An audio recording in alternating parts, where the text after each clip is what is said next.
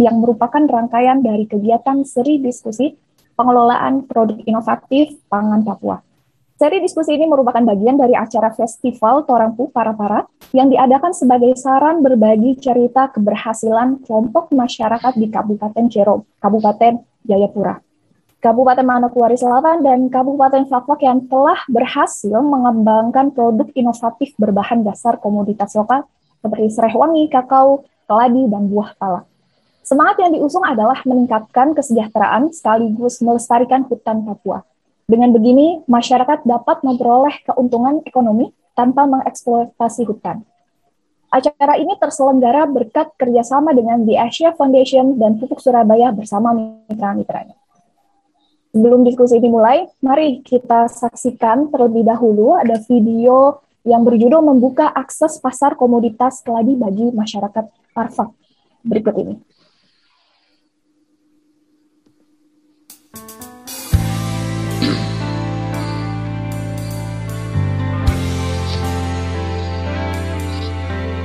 Assalamualaikum warahmatullahi wabarakatuh. Perkenalkan nama saya Sari Septiani, biasa dipanggil Sari. Pada hari ini kita akan membuat uh, tepung dari umbi keladi. Membuka akses pasar komoditas keladi bagi masyarakat Arfak di Kampung Aryawan Moho, Distrik Nene, Kabupaten Manokwari Selatan, Papua Barat. Pegunungan Arfak menyimpan keanekaragaman hayati yang bernilai tinggi seperti hewan endemik, antara lain cendrawasih, kasuari, kangguru pohon, dan kuskus.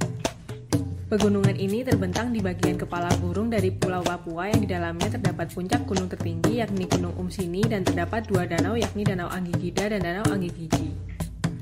Pegunungan Arfak didiami sekitar 12.000 jiwa yang berasal dari empat suku besar Arfak, yakni Hatam, Meak, Souk, dan Moile masyarakat Arfak sangat tergantung pada hutan. Pola perladangan berpindah menjadi bagian dari tradisi yang mereka lakukan. Masyarakat Arfak termasuk di dalamnya Kampung Aryawen Moho dan Kampung Wama melakukan kegiatan bercocok tanam keladi, ubi jalar, dan sayur-sayuran, serta melakukan kegiatan berburu untuk pemenuhan sumber protein hewani di pegunungan tersebut. Keladi adalah makanan pokok masyarakat Arfak. Di tahun 2018, perkumpulan Menukwar mendampingi kedua kampung tersebut untuk mengurangi dampak perladangan berpindah dan memperkuat masyarakat Arfak dalam pengelolaan pertanian berkelanjutan. Ada dua kegiatan penting yang didampingi oleh Menukwar. Pertama, pendampingan kegiatan penanaman kembali lebih dari 2.000 bibit pohon tanaman keras di lereng perbukitan seperti masohi, gaharu, kopi, dan durian untuk mencegah longsor. Bersama Balai Penelitian dan Pengembangan Lingkungan Hidup dan Kehutanan atau BP2 LHK Manokwari telah dilakukan pelatihan dan pengembangan tanaman masohi. Penanaman kembali bibit tanaman keras tersebut menjangkau 15 kebun masyarakat yang ada di lereng perbukitan dengan luas lebih dari 3 hektar. Kedua, Manokwar mendampingi masyarakat untuk mendayagunakan pekarangan sebagai lahan produktif yang dapat mengurangi penggunaan lereng perbukitan untuk berkebun. Bersama dengan Dinas Ketahanan Pangan dan Pertanian Kabupaten Manokwari Selatan dan beberapa institusi terkait, Manokwari melakukan pelatihan budidaya keladi, pupuk organik, penataan kebun, dan pemberian bibit hortikultura kepada 115 orang petani. Uji coba dilakukan dengan membuat 7 demplot untuk pengelolaan tanaman hortikultura tersebut. Demplot-demplot tersebut telah berhasil panen dan mampu menjadi sumber kebutuhan pangan keluarga. Bahkan, masing-masing kelompok atau demplot yang diwakili 10 orang petani telah berhasil menjual hasil panennya ke ibu kota kabupaten, Rangsiki, dan mampu menambah pendapatan keluarga sebesar 300.000 sampai 2 juta rupiah per bulan. Pengembangan pertanian keladi sangat cocok karena sebagai makanan pokok bagi masyarakat Arfak. Masyarakat cukup antusias terhadap kegiatan ini. Sayangnya, hasil panen keladi yang terus melimpah mengalami masalah dalam pemasarannya karena akses transportasi yang terbatas untuk membawa hasil panen tersebut ke pasar. Untuk itu, Menukwar mengembangkan pendirian kios sebagai tempat petani untuk menjual hasil panen keladinya atau menukarnya dengan barang kebutuhan pokok yang diperlukan seperti sembako dan bibit. Kios menjadi tempat transaksi jual beli yang penting bagi masyarakat karena akses yang jauh dari pasar. Selain itu, untuk mengatasi melimpahnya hasil panen keladi, Menukwar mendampingi masyarakat Arfak untuk mengembangkan pengolahan keladi menjadi tepung dan keripik keladi yang mampu memberi nilai tambah bagi produksi masyarakat. Pendirian mini pabrik pengolahan tepung keladi dilakukan untuk mengolah hasil panen keladi menjadi tepung keladi. Saat ini, tepung keladi yang dihasilkan dalam proses pengujian kualitas dan perizinan usaha. Kelompok ibu-ibu juga telah memproduksi keripik keladi menjadi salah satu produk kampung yang bisa dijual ke pasar sebagai alternatif produk turunan keladi. Berbagai upaya pengembangan terus dilakukan oleh Menukwar bersama masyarakat, antara lain pengurusan izin untuk tepung dan keripik keladi, pengembangan kemasan yang lebih menarik, serta pengembangan kelembagaan bungkam yang nantinya menjadi bagian dalam pengelolaan industri tepung dan keripik keladi. Menukwar juga mendampingi masyarakat kampung Aryawen Moho untuk menyusun rencana tata ruang wilayah kampung untuk pengelolaan tata guna lahan yang berkelanjutan dengan mengidentifikasi kepemilikan kebun, batas kampung, dan rencana pengembangan infrastruktur dan pemekaran kampung. Masyarakat adat berdaya, hutan terjaga, dan masyarakat sejahtera. Mari kita dukung mereka mewujudkannya.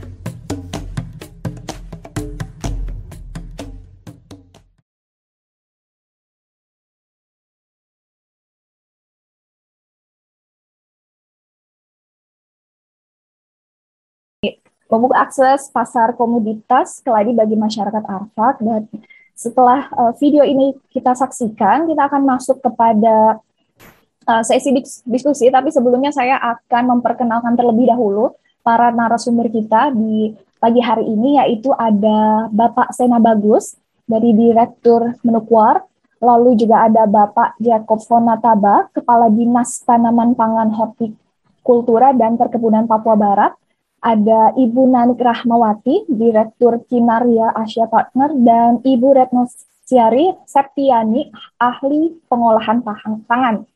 Selamat pagi kepada para narasumber, saya ucapkan. Selamat pagi. Selamat pagi, Mbak. Saya ingin mengingatkan kepada para pemirsa bahwa acara ini disiarkan langsung melalui kanal YouTube Asma Papua Official dan tentunya Berita Baruko serta Facebook Berita Baruko. Bagi seluruh pemirsa yang ingin bertanya, kami persilahkan untuk menulis pertanyaannya pada kolom chat, dan jangan lupa untuk menuliskan identitas Anda terlebih dahulu. Sesi tanya jawab akan dibuka setelah dialog interaktif ini selesai. Baiklah, kalau gitu kita akan langsung masuk ke sesi talk show. Pertama-tama saya akan terlebih dahulu bertanya kepada Bapak Sena Bagus, selaku Direktur Nukwar.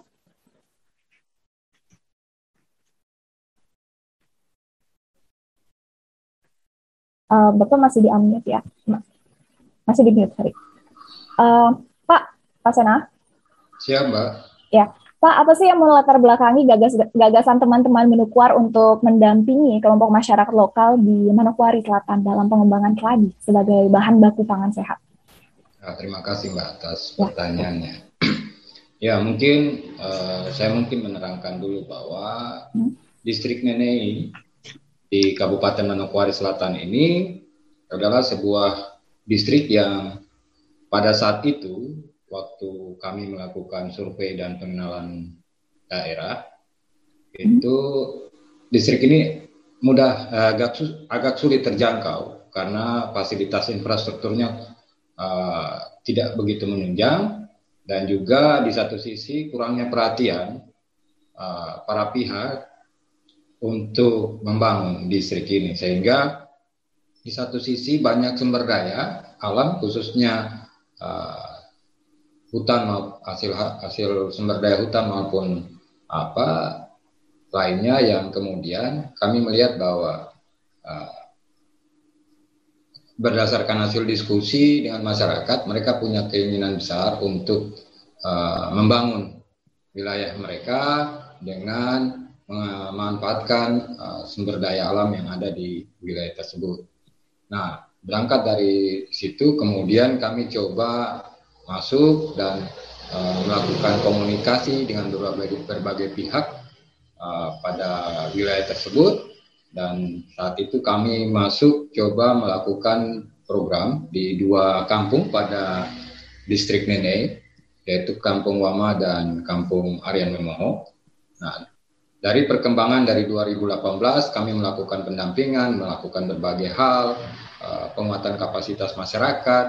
Nah, setelah tahun 2018 di akhir 2018 kami kemudian melakukan evaluasi sejauh mana uh, niat masyarakat untuk ber, bersama-sama dengan Nukwar untuk melakukan program-program di uh, distrik tersebut. Dari dua kampung tersebut uh, dari hasil evaluasi kami bahwa yang sangat besar perhatian dan niat masyarakat untuk melakukan apa kerja-kerja produktif bersama Menukuat itu adalah Kampung Marian Mengho.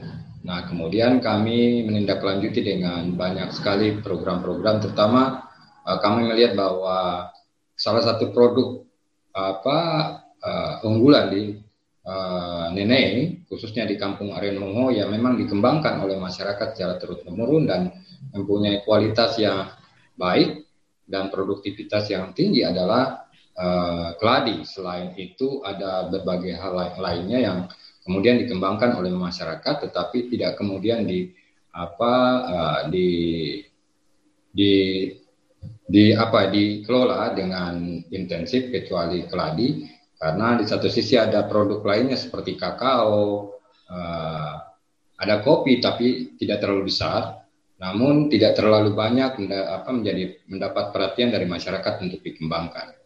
Nah dari situ kami kemudian di satu sisi kami lihat bahwa cukup tinggi uh, pemanfaatan apa wilayah terutama uh, banyak dilakukan peladangan berpindah yang kemudian untuk kami kalau kemudian masyarakat terus melakukan peladangan berpindah apalagi secara apa geografi topografi di wilayah tersebut uh, banyak dikelilingi di oleh kelerengan. Nah untuk itu kami kemudian uh, cuma bersama-sama dengan masyarakat memikirkan dan uh, memberikan apa masukan kira-kira seperti apa kita pemanfaatan lahan yang secara baik terutama uh, khususnya dalam meningkatkan uh, ekonomi masyarakat dengan cara pemanfaatan lahan-lahan yang memang sudah cukup uh, yang sudah ada tanpa kemudian kita harus membuka uh, hutan lagi untuk uh, membuat ladang-ladang baru atau kebun-kebun baru untuk bertanam bercocok tanam.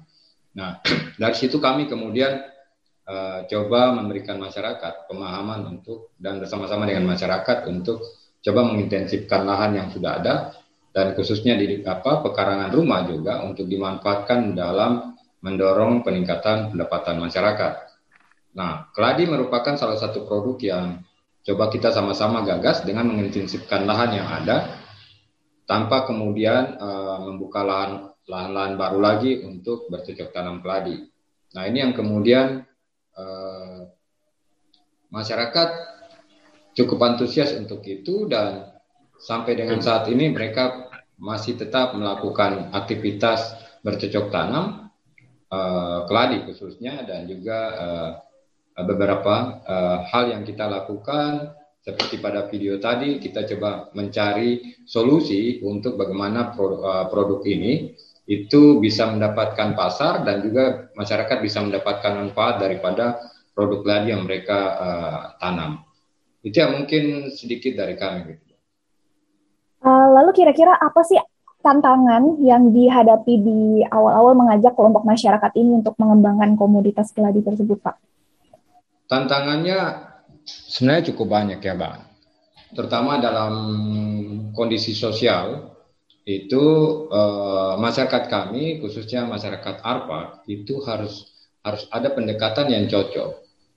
Mungkin tidak seperti di pulau-pulau lainnya atau di mungkin Papua lainnya, tapi kebanyakan di Papua itu pendekatan apa masyarakat ini bisa kita bisa melewati melalui pemerintahan kampung, tetapi pemerintahan kampung itu lebih banyak bersifat administrasi.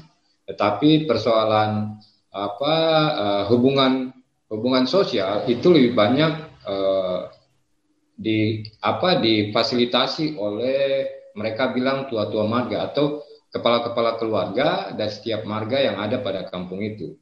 Nah, di satu sisi uh, ini menjadi hal yang harus terutama dalam pembentukan kelompok, kelompok-kelompok dampingan apa kelompok-kelompok kerja di masyarakat di mana kami tidak bisa apa mengintervensi dalam pembentukan kelompok.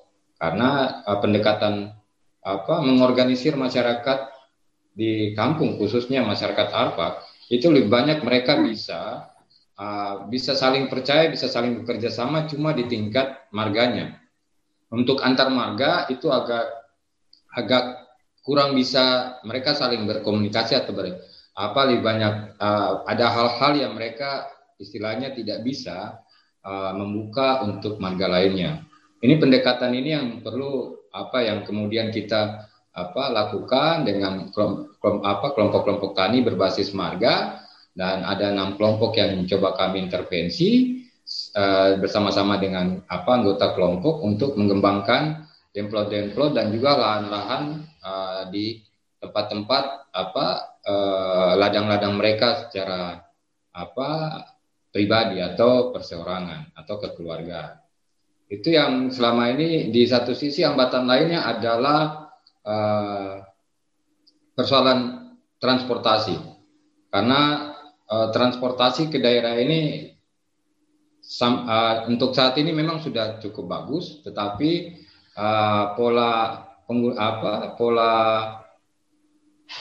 rutinitas daripada transportasi ini tidak seperti serta merta seperti yang kita bayangkan secara umumnya. Karena uh, transportasi ini bisa bergerak daripada atau berjalan daripada apa pusat apa ibu kota di Manokwari Selatan ke wilayah tersebut itu berdasarkan ada penumpang atau tidak. Kalau tidak ada penumpang otomatis apa uh, kendaraan ini tidak bisa bergerak. Kebanyakan masyarakat untuk bisa mengakses tempat mereka kalau dari apa ibu kota mereka menggunakan ojek maupun dari kampung dan itu cukup mahal. Nah, ini yang kemudian menjadi salah satu hambatan kita juga untuk secara apa bersama-sama masyarakat melihat persoalan ini. Nah, kami coba memfasilitasi itu dengan bagaimana uh, dengan salah satu hal adalah membentuk kios tadi. Itu untuk bagaimana uh, produk mereka ini tidak serta mereka harus memasarkan secara kelompok atau apa perseorangan ke, ke Ransiki eh, ibu kota kabupaten atau ke Manokwari.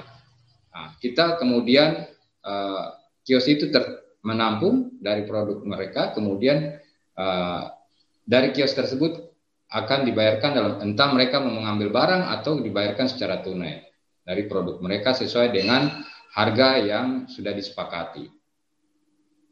Nah, yang selanjutnya adalah uh, hambatan lainnya adalah uh, hal-hal yang terkait dengan uh, kondi apa dinamika dinamika uh, kehidupan sosial di kampung. Karena masyarakat kami ini kalau ada hal-hal yang berkaitan dengan eh, kondisi-kondisi uh, tertentu ada kematian dan sebagainya otomatis semua uh, kegiatan di kampung itu tidak bisa ber, tidak bisa berjalan. Karena mereka masih punya hubungan hubungan-hubungan kekerabatan dengan apa di antara mereka. Kalau salah satu mendapatkan apa uh, uh, ada kematian atau ada apa ada apa uh, kegiatan-kegiatan yang berkaitan dengan uh, kepentingan mereka itu otomatis Eh, semua kegiatan yang terkait dengan eh, program-program uh, yang akan dijalankan itu akan kemudian menyesuaikan dengan uh, keadaan yang ada di kampung. Kita juga tidak bisa memaksakan karena pastinya tidak akan apa tidak akan maksimal apa yang kita mau jalankan bersama-sama di masyarakat di kampung. Mungkin uh, kalau saya hambatan lainnya kalau saya adalah memang di satu sisi kita mau mengatakan bahwa pastinya bahwa pemerintahan kita punya keterbatasan. Keterbatasan ini memang harus kemudian kita sama-sama semua para pihak harus melihat ini dan saling berkontribusi untuk uh, bagaimana menyelesaikan persoalan di, di, di daerah tersebut. Nah, untuk pemerintahan kabupaten sendiri, khususnya dinas terkait, dinas pertanian, itu luar biasa dan juga untuk provinsi, uh, dinas pertanian dan perkebunan, dan hortikultura itu cukup untuk saya sangat sangat mendukung apa yang kemudian uh, kami teman-teman Nukwar lakukan di uh, Kampung Aryan Moho di distrik Nene Kabupaten Manokwari Selatan. Mereka uh, menyediakan berbagai hal baik program maupun uh, tenaga teknis di lapangan untuk mendukung kerja-kerja kita kalau kemudian uh, kita meminta mereka untuk bersama-sama dengan kami di Menupar melakukan berbagai uh, kegiatan di lapangan. Tentu ada keterbatasan uh, dukungan apa program dan anggaran yang ada di pemerintahan karena pemerintah pemerintahan kita kan harus melihat menyeluruh bukan hanya satu kampung dan itu kami coba saling berkontribusi untuk hal-hal yang mungkin tidak bisa difasilitasi oleh teman-teman di pemerintahan terutama dinas terkait tapi kita bisa saling menutupi. Ini memang hambatan-hambatan yang memang untuk saya uh, yang menjadi persoalan penting adalah bagaimana uh, produk ini, terutama keladi ini bisa kemudian menjadi uh, sektor unggulan untuk pangan lokal di di Papua Barat khususnya di apa Manokwari Raya ya. Manokwari Raya ini bisa Manokwari uh, Manokwari Selatan uh, ada juga Teluk Bintuni ada juga apa uh, Tambrau. Ini bisa kemudian menjadikan ini menjadi kalau saya pemerintah daerah harus melihat salah satu produk ini tidak uh, bisa kemudian menjadi produk unggulan untuk pemenuhan uh, pangan yang ada di uh, Papua Barat kalau secara umum bisa tanah Papua karena produk apa keladi ini menjadi salah satu makanan pokok selain daripada sagu atau uh, apa ubi kayu atau mereka bilang di apa singkong. Nah ini memang hmm. harus dilihat karena contoh di pada saat pandemi ini uh, kalau saya kenapa harus kita mengikuti program nasional untuk pemenuhan pangan. Kalau uh, kenapa tidak keladi ini bisa menjadi uh, produk stimulan oleh pemerintah untuk kemudian menampung produk-produk ini, terutama keladi ini, dan kemudian didistribusikan bagi uh, masyarakat yang terdampak pandemi.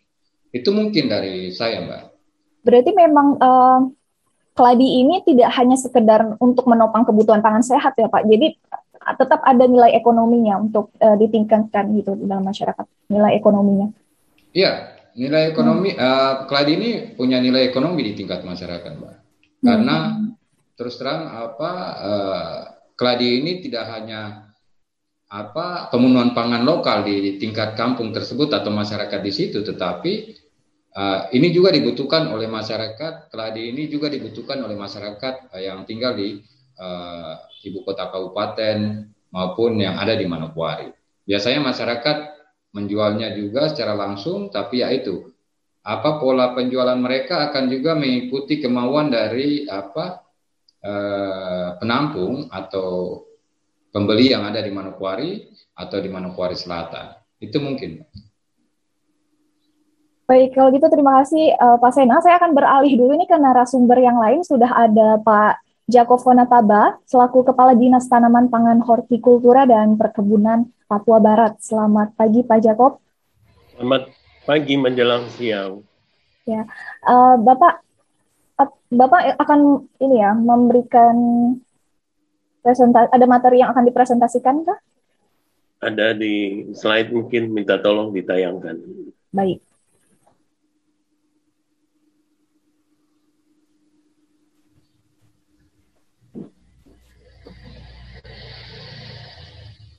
Ya, terima kasih.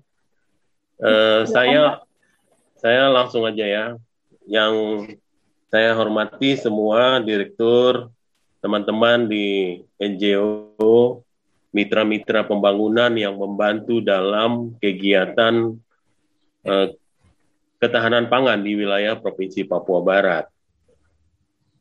Uh, hari ini saya diundang untuk berbicara mengenai produk pangan lokal yaitu menyangkut keladi. Secara umum, pemerintah secara kontinu melalui program atau kegiatan setiap tahun berjalan itu mengalokasikan kegiatan-kegiatan pengembangan eh, komoditi-komoditi yang dibutuhkan untuk sumber bahan pangan. Dalam hal ini untuk umbi-umbian di wilayah Provinsi Papua Barat, umbi-umbian itu kita menjadi fokus utama karena masyarakat hampir eh, kebanyakan di daerah-daerah kampung-kampung itu masih mengkonsumsi uh, umbi-umbian itu menjadi uh, pangan utama. Dengan demikian kita sudah masukkan dalam visi dan misi gubernur bahkan dimasukkan uh, dalam renstranya dinas. Nah, setiap tahun kita mendapatkan alokasi anggaran itu ada terutama dari anggaran APBD, APBD 1 Provinsi Papua Barat, kemudian eh, kita transfer ke masing-masing kabupaten berdasarkan data pengembangan khususnya untuk komoditi umbian termasuk di dalamnya keladi. Kalau keladi ini sebetulnya Eh, kalau kita sebut keladi secara nasional, ada orang punya asumsi bahwa keladi yang bunga keladi itu.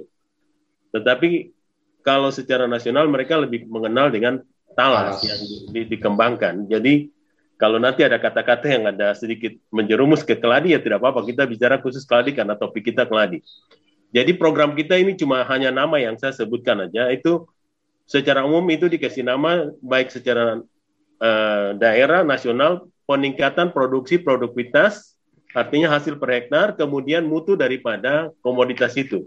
Ini saya tulis tanaman pangan karena keladi masuk ke dalam keladi atau talas masuk ke dalam uh, tanaman pangan. Uh, kita pasti berbicara ke kemandirian produk. Kalau sudah ada kemandirian produk pasti menuju ke swasembada. Nah, ini yang untuk spesifik Papua beda sekali dengan di luar Papua.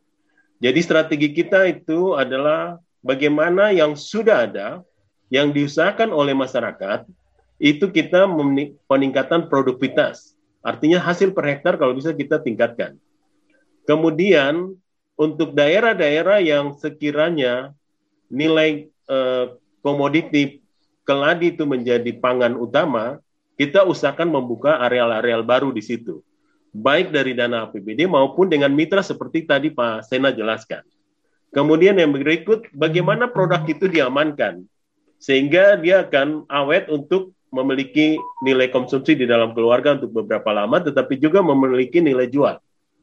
Kemudian jangan lupa kalau kita sudah berbicara sampai ke skop agak lebih besar, lebih luas, yang berorientasi ke pasar, itu kita harus benahi dukungan kelembagaannya. Artinya pemberdayaan pemberdayaan daripada satu kelompok itu eh, masyarakat dalam bentuk-bentuk kelompok kerja.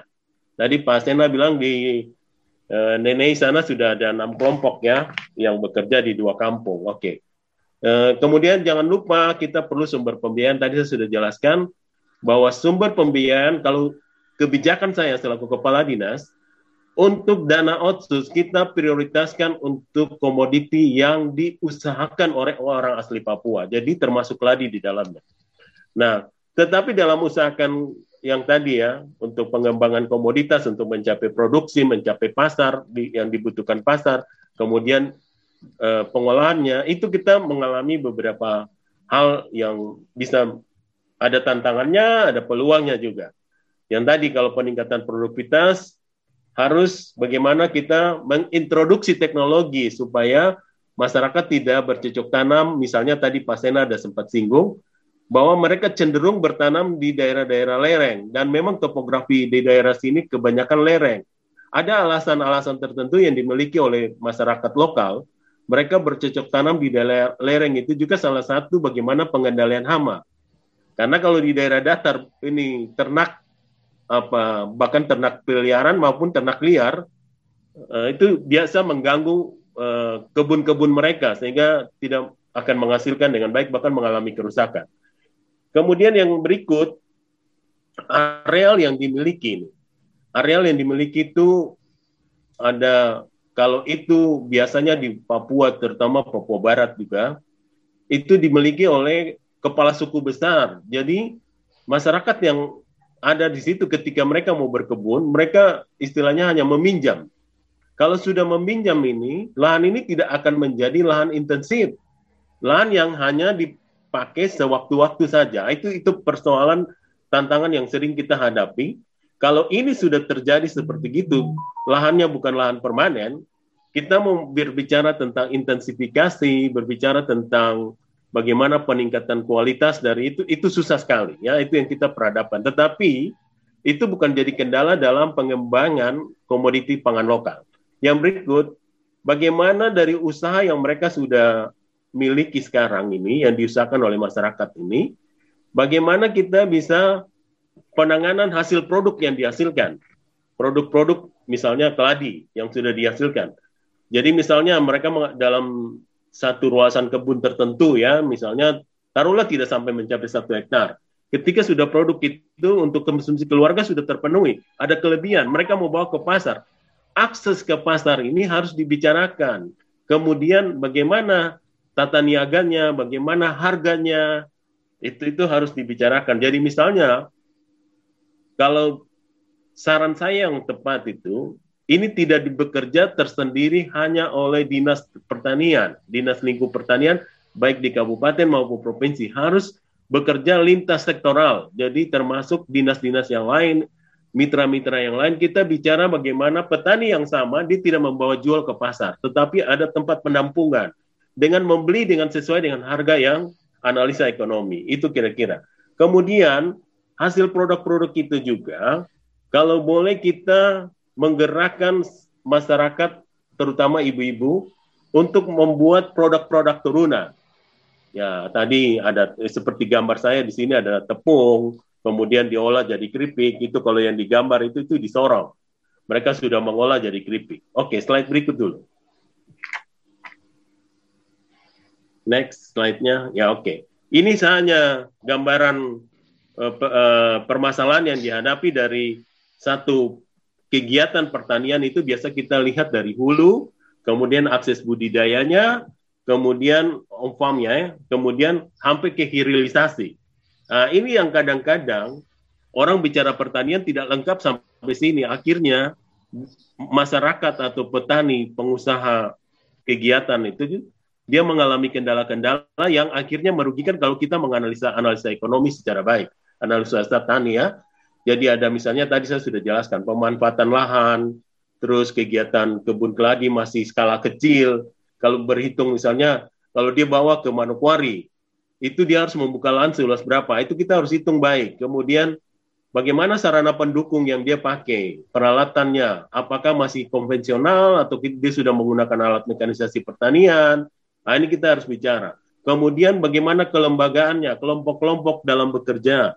Kemudian Eh, mereka itu sudah terdaftar tidak di dalam simultan. Jadi nanti secara kontinu mereka itu bisa mendapatkan bantuan dari pemerintah. Terus uh, bagaimana apakah ada pendampingan yang dilakukan oleh pemerintah, mitra-mitra kerja untuk memberikan inovasi-inovasi baru terutama dalam kegiatan budidaya tanaman. Jadi misalnya mereka sudah mengusahakan dalam satu lahan secara kontinu, nah itu kita harus introduksi apa pengetahuan-pengetahuan maupun misalnya seperti kalau sudah harus menggunakan pupuk kita introduksi pupuk dengan cara-cara yang bijaksana. Misalnya mulai dari pupuk organik kemudian kalau memang perlu dirasa penting baru kita introduksi pupuk kimia. Kemudian tadi menyangkut on farmnya manajemennya bagaimana penerapan teknologi terus ada sinkron antara yang konsum produksi dengan bagaimana konsumsi yang mereka lakukan. Kemudian dihilirisasi ini yang penting. Jadi kalau orang sudah berkebun, sudah ada produknya, kita harus berpikir tadi yang saya sudah jelaskannya, harus ada penampungnya, pengambil hasilnya, diatur dengan harga yang tepat. Kemudian penampung itu yang menyalurkan ke pasar. Jangan petani yang sama dari Ransiki, dari Nenei, bawa sampai ke pasar Wosi. Apalagi komoditi apa namanya keladi yang harganya tidak terlalu mahal lah sekitar 50 sampai seratusan. Itu bertumpuk ya, mereka biasa jual bertumpuk. Oke, slide berikut. Nah, ini saya cuma penganekaragaman. Saya kira perlu kita menegaskan dengan perda-perda yang tepat. Jadi kemudian memberikan pemahaman kepada masyarakat bahwa selain daripada beras, gula, minyak itu, ada pangan-pangan lokal yang sebetulnya mensuplai bahan makanan yang cukup bergizi dan bisa terpenuhi tanpa memberikan efek dampak kepada manusia. Oke, saya kira berikut. Nah, ini sekilas saja. Tadi saya untuk membedakan antara talas dan keladi, saya tulis ini. Kalau uh, keladi itu masuk kaladium, sedangkan genus galadium, sedangkan talas kolokasia. Nah, itu. Di bawahnya ada kandungan nutrisinya. Saya kira nanti Ibu siapa akan juga sebagai narasumber akan menjelaskan secara jelas. Jadi coba lihat, kandungan kalorinya itu 150 sampai 200. Terus seratnya 5 sampai 7. proteinnya ada 4 gram, kemudian kalsium, kemudian kalium, kemudian magnesium, fosfor. Ini dari sini produk olahan yang sudah dibuat seperti ini, ini luar biasa Pak. Jadi kalau misalnya sudah ada perda, eh, pemerintah mewajibkan bahwa dalam satu minggu itu setiap masyarakat di Papua Barat tidak boleh mengkonsumsi beras, tetapi di dalam rumah hanya konsumsi ubi bian termasuk keladi, termasuk pertemuan-pertemuan resmi di hotel, di pemerintah, di berbagai kegiatan pertemuan, acara-acara, bahkan mungkin juga acara uh, pernikahan itu saya sarankan juga menu keladi itu harus ada. Jadi misalnya seperti keladi tumbuh, hasil olahan keladi tumbuh yang dicampur dengan uh, apa namanya kelapa parut. Wah, itu luar biasa tuh. Kemudian di, ada juga yang kalau Bapak Ibu mungkin yang ada di Manokwari tahu di Jalan Borobudur kalau malam nah itu keladi yang sudah disajikan dengan beberapa uh, sayuran, kemudian ada daging. Nah, itu itu sangat bergizi, cukup memberikan gizi juga bagi masyarakat selain daripada mengkonsumsi beras. Oke, yang berikut. Slide yang berikut.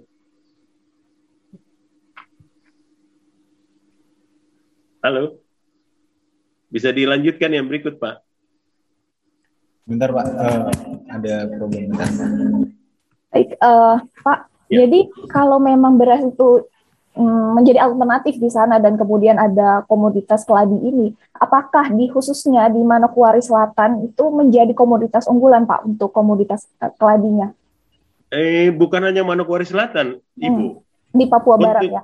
Untuk keladi itu uh-huh. eh, Ibu terbukti bahwa Pak Gubernur berdasarkan kebijakannya itu keladi dimasukkan di dalam anggaran. Itu bukti bahwa kebijakan untuk memprioritaskan bahwa keladi itu sebagai komoditi pangan yang utama, yang sehat hmm. untuk okay. dikonsumsi oleh keluarga karena kandungan yang tadi itu. Ya. Itu, Bu. Ya. Hmm, hmm, hmm.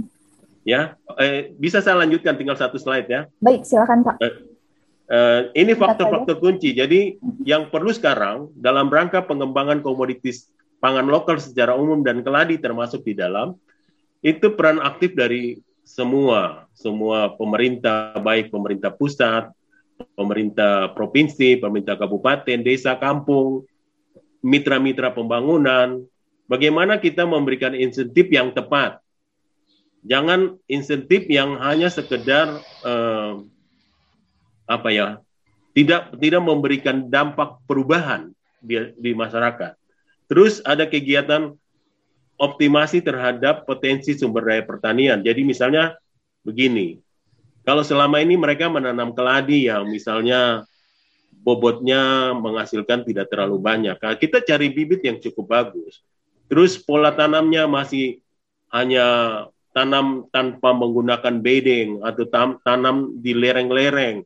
Nah ini kita merubah secara perlahan-lahan. Terus kita melengkapi dengan alat mesin pertanian. Kemudian tadi yang penting ada kelompok kerja. Terus ada kelompok yang menangani di penampungan hasil, ada kelompok yang menangani tentang pemasaran. Kemudian uh, kita tadi introduksi teknologi yang tepat, spesifik lokasi. Jadi tadi misalnya uh, ada mereka diperhadapkan dengan budaya-budaya atau keadaan sosial yang sering mengganggu. Ini bagaimana kita mengintroduksi teknologi yang tepat jadi ketika mereka diperhadapkan dengan ini bisa berjalan dengan berapa orang yang bekerja, yang orang yang misalnya ada sementara mengalami bencana, mereka bisa tinggalkan tidak masalah. Kemudian harus ada dukungan biaya yang tepat. Jadi misalnya analisa usaha dia membutuhkan 15 juta per hektar, kita harus kasih nilai yang sama sehingga kalau kita bicara produktivitas, kita bicara produksi yang aman untuk dikonsumsi, maka kita harus memberikan biaya yang tepat. Terus ada pendampingan dari petugas, petugas di lapangan PPL, petugas dari distrik, petugas dari dinas kabupaten, dari provinsi, dari kementerian. Kemudian harus ada pendampingan terhadap produk itu terhadap penjualan mereka, harganya. Tadi kalau sudah ada penampungan, sudah ada orang yang memasarkan, saya yakin itu harga akan aman dan mereka akan menerima imbalan atau hasil dari kebun mereka yang mereka usahakan. Kemudian jangan lupa supaya keladi itu menjadi menu yang enak, itu harus ada produk-produk turunan yang hasil olahan. Oke, slide yang terakhir.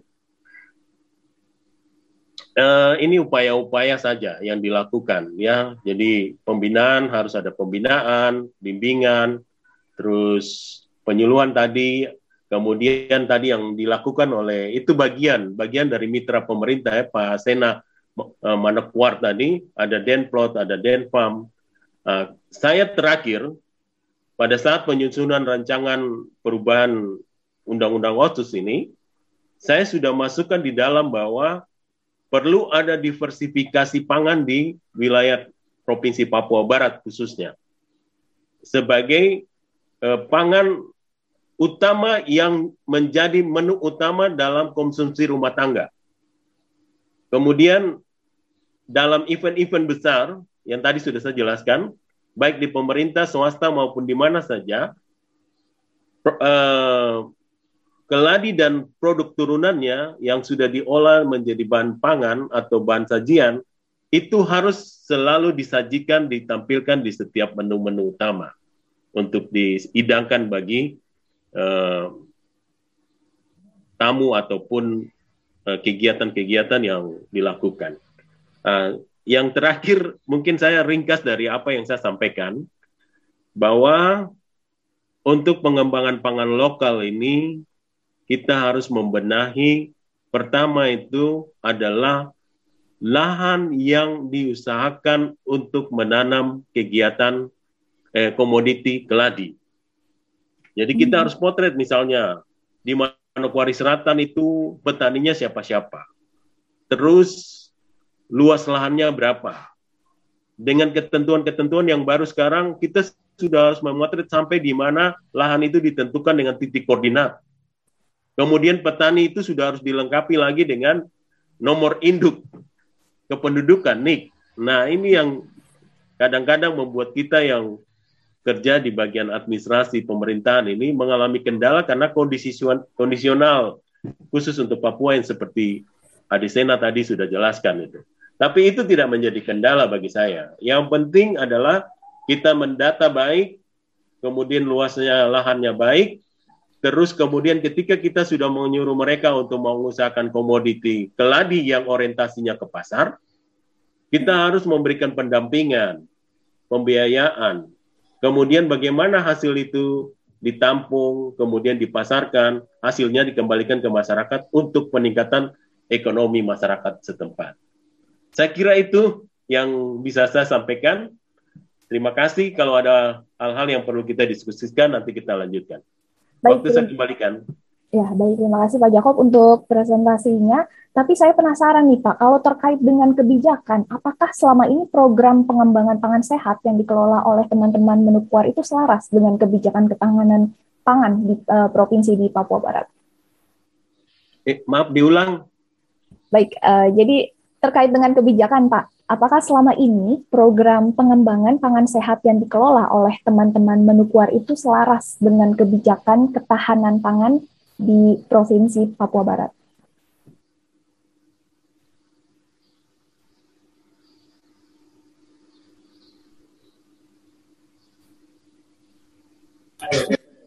Masih mute Pak Joko.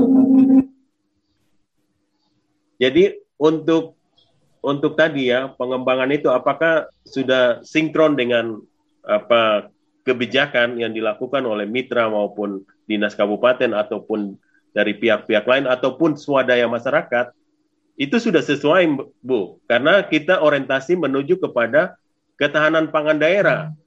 Nah, kalau ketahanan pangan daerah ini kita tidak boleh ketergantungan pada suplai pangan dari luar.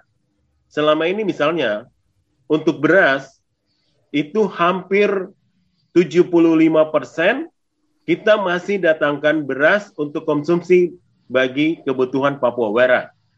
Nah, saya berharap tadi dengan diversifikasi menu pangan ini, maka itu akan menjawab kebutuhan pangan lokal. Jadi kita tidak ketergantungan pada satu jenis uh, produk pangan, tetapi kita bisa terutama pangan-pangan lokal yang bisa mempunyai nilai gizi yang bagus itu kita kembangkan. Kemudian tadi, apakah mitra bekerja sama? Sangat bekerja sama selama ini.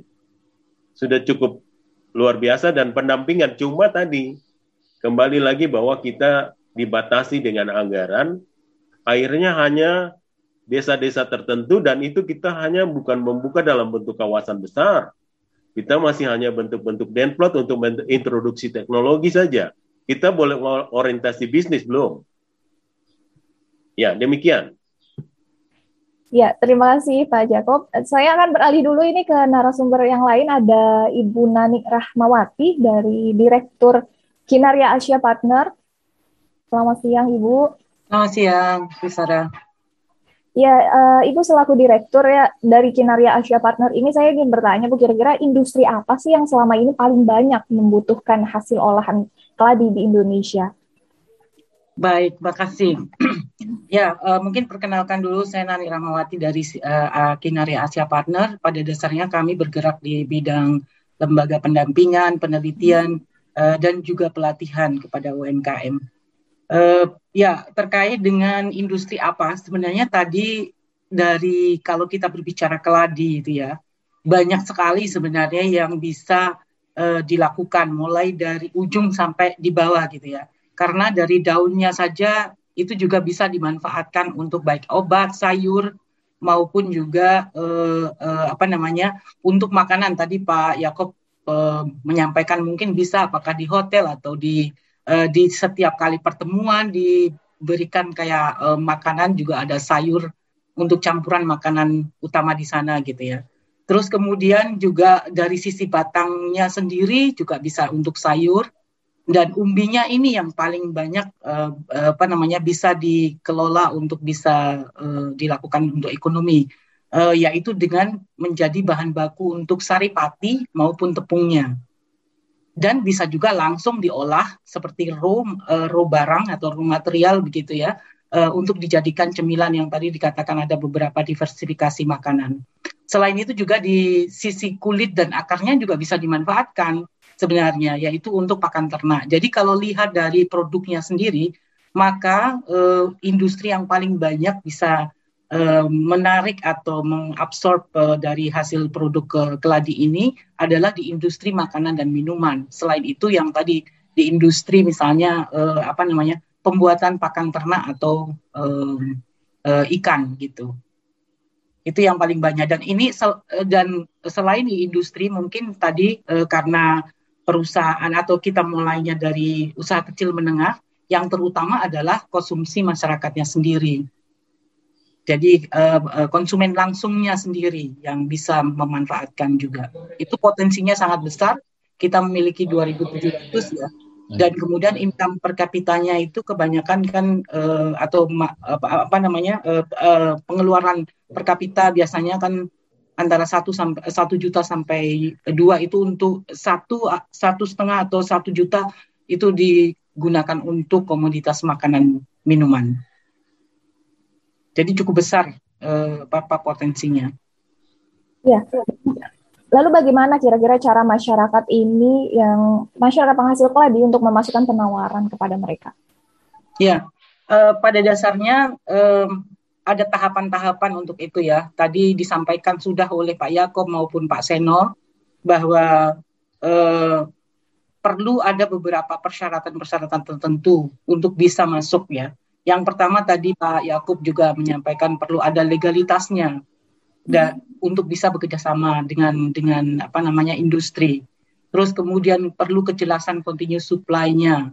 Jadi eh, pasti kalau saya pun sebagai industri misalnya akan ingin tahu terlebih dahulu bisa menjamin berapa uh, konsumsi uh, berapa supply yang bisa mereka lakukan. Kalau seandainya diperlukan uh, per minggu 8 ton untuk 8 ton tepung misalnya apakah memungkinkan nggak untuk produksi itu. Jadi ada beberapa persyaratan. Artinya mulai saja dulu uh, dari yang sederhana. Artinya sekarang kita dari sisi supply mampu di mana? Apakah mampu dulu untuk memenuhi kebutuhan lokal dulu mampu memenuhi pasar lokal dulu, maka yang akan disasar adalah juga di sekitar pasar lokal. Seperti tadi, eh, apakah dari rumah tangga masing-masing dengan menerapkan eh, apa namanya gaya hidup atau cara hidup yang lebih eh, mengarah pada pemanfaatan eh, dari keladi ini.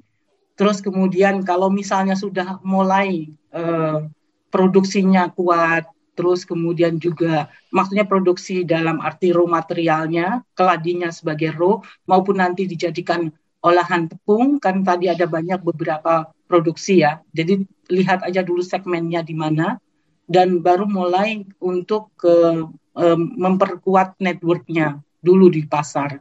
Misalnya kalau di saya nggak tahu di daerah Papua itu seperti apa. Kalau di sana ada uh, pasar tradisional atau uh, pasar modern ini bisa mulai uh, dijajaki kerjasama dengan mereka dengan perluas network. Kalau dari sisi potensi pasarnya banyak sekali ya, uh, bisa sampai ekspor bahkan misalnya contoh uh, di beberapa daerah seperti Semarang, kemudian apa namanya di Banten, Sulawesi itu sudah melakukan juga ekspor. Jadi uh, yang paling utama tadi adalah lihat kondisi lokal dan kemampuan diri ini juga pernah kami alami pada waktu kami mempromosikan Lada, eh, kami langsung jump in kepada perusahaan yang besar. Tetapi ternyata eh, kelompok tani yang kita dampingi ini tidak memenuhi untuk bisa eh, continue supply hmm. kepada mereka. Jadi ini harus lihat dari sisi diri sendiri dan juga potensi pasarnya di luar segmen mana yang mau diambil untuk uh, uh, apa namanya dimasukkan pasarnya. Apakah cukup pada level uh, apa namanya kayak tadi uh, pasar tradisional atau pasar modern atau mungkin segmen di uh, apa namanya uh, masyarakat umum atau konsumsi rumah tangga. Jadi ini yang nanti perlu diperhatikan oleh misalnya kayak tadi Manokwar ya. Uh, mana level yang cocok untuk bisa uh, di matchmakingkan dengan kelompok tani yang sudah ada. Jadi um, terkait dengan ini Bu tadi prospek pasarnya. Jadi kalau misalnya kira-kira seperti apa sih prospek di masa depan untuk pemasaran hasil produksi olahan keladi yang saat ini sedang dikerjakan oleh masyarakat di Kabupaten Manokwari Selatan? Sangat besar ya, terutama uh, kalau itu dijadikan pati dan juga tepung.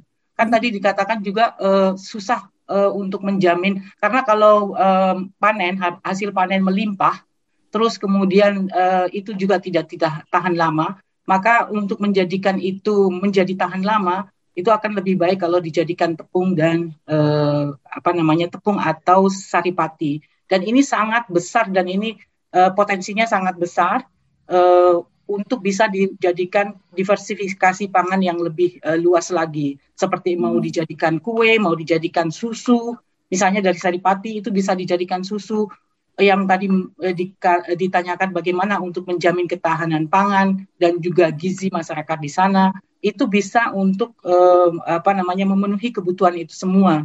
Jadi yang perlu dilakukan adalah um, apa namanya bagaimana membuat diversifikasi uh, pangan di daerah khususnya minimal untuk menjamin uh, apa kebutuhan gizi masyarakat di sana dulu misalnya ya ini banyak sekali yaitu merubah uh, umbi menjadi peti eh, saripati atau uh, tepung yang bisa diolah dengan berbagai macam mau misalnya kalau di sana sekarang lagi pengen uh, apa namanya donat atau apa nggak ada di sana nah ini ini juga hal yang mungkin perlu dipelajari bagaimana lifestyle masyarakat sekitar sana. Apakah suka jajanan kayak donat atau apa begitu ya? Atau cukup dengan keripik saja? Ini yang perlu. Jadi uh, kalau saya lebih cenderung first target lokal dulu selesaikan gitu ya untuk bisa uh, memenuhi kebutuhan target lokal. Kemudian kalau kita sudah cukup mampan di situ, mari kita menuju ke regional kalau sudah cukup mapan itu baru kemudian menuju ke uh, apa namanya internasional. Karena di internasional juga cukup banyak uh, kebutuhannya atau uh, potensi pasarnya. Contoh aja uh, di Semarang uh, mereka itu uh, membutuhkan dua apa namanya dalam dua minggu itu 10 ton eh, 10 uh, ya 10 ton uh, apa namanya uh, pasarnya ya. Sementara mereka sampai dengan sekarang baru uh, memenuhi 3,6 ton saja misalnya, itu dalam dua minggu diperlukan 10 ton. Anda hitung aja kalau misalnya uh, satu bulan sudah berapa itu. Itu mungkin uh, apa namanya dari sisi potensi pasar untuk ekspor cukup besar, tapi kalau saya lihat kondisi saat ini di yang di apa namanya di asistensi ini atau di daerah uh, yang tadi disampaikan oleh Manowar, khusus saya first go locally, afterward go uh, apa namanya um, national uh, regionally dan um, nationally. Apalagi tadi ada beberapa permasalahan terkait dengan akses pasar dan sebagainya. Tapi apa pun yang sudah dilakukan tadi itu sudah on the right track. Artinya kerjasama antar uh, ke, antar apa namanya antar lembaga ini sudah cukup sangat bagus. Uh, tadi juga sudah disampaikan oleh Pak Yakob. Terus kemudian perlunya ada tadi disampaikan uh, apa namanya sudah dibikin beberapa uh, demo plot dan juga uh, untuk penyimpanan ya atau uh, kayak stok gitu ya.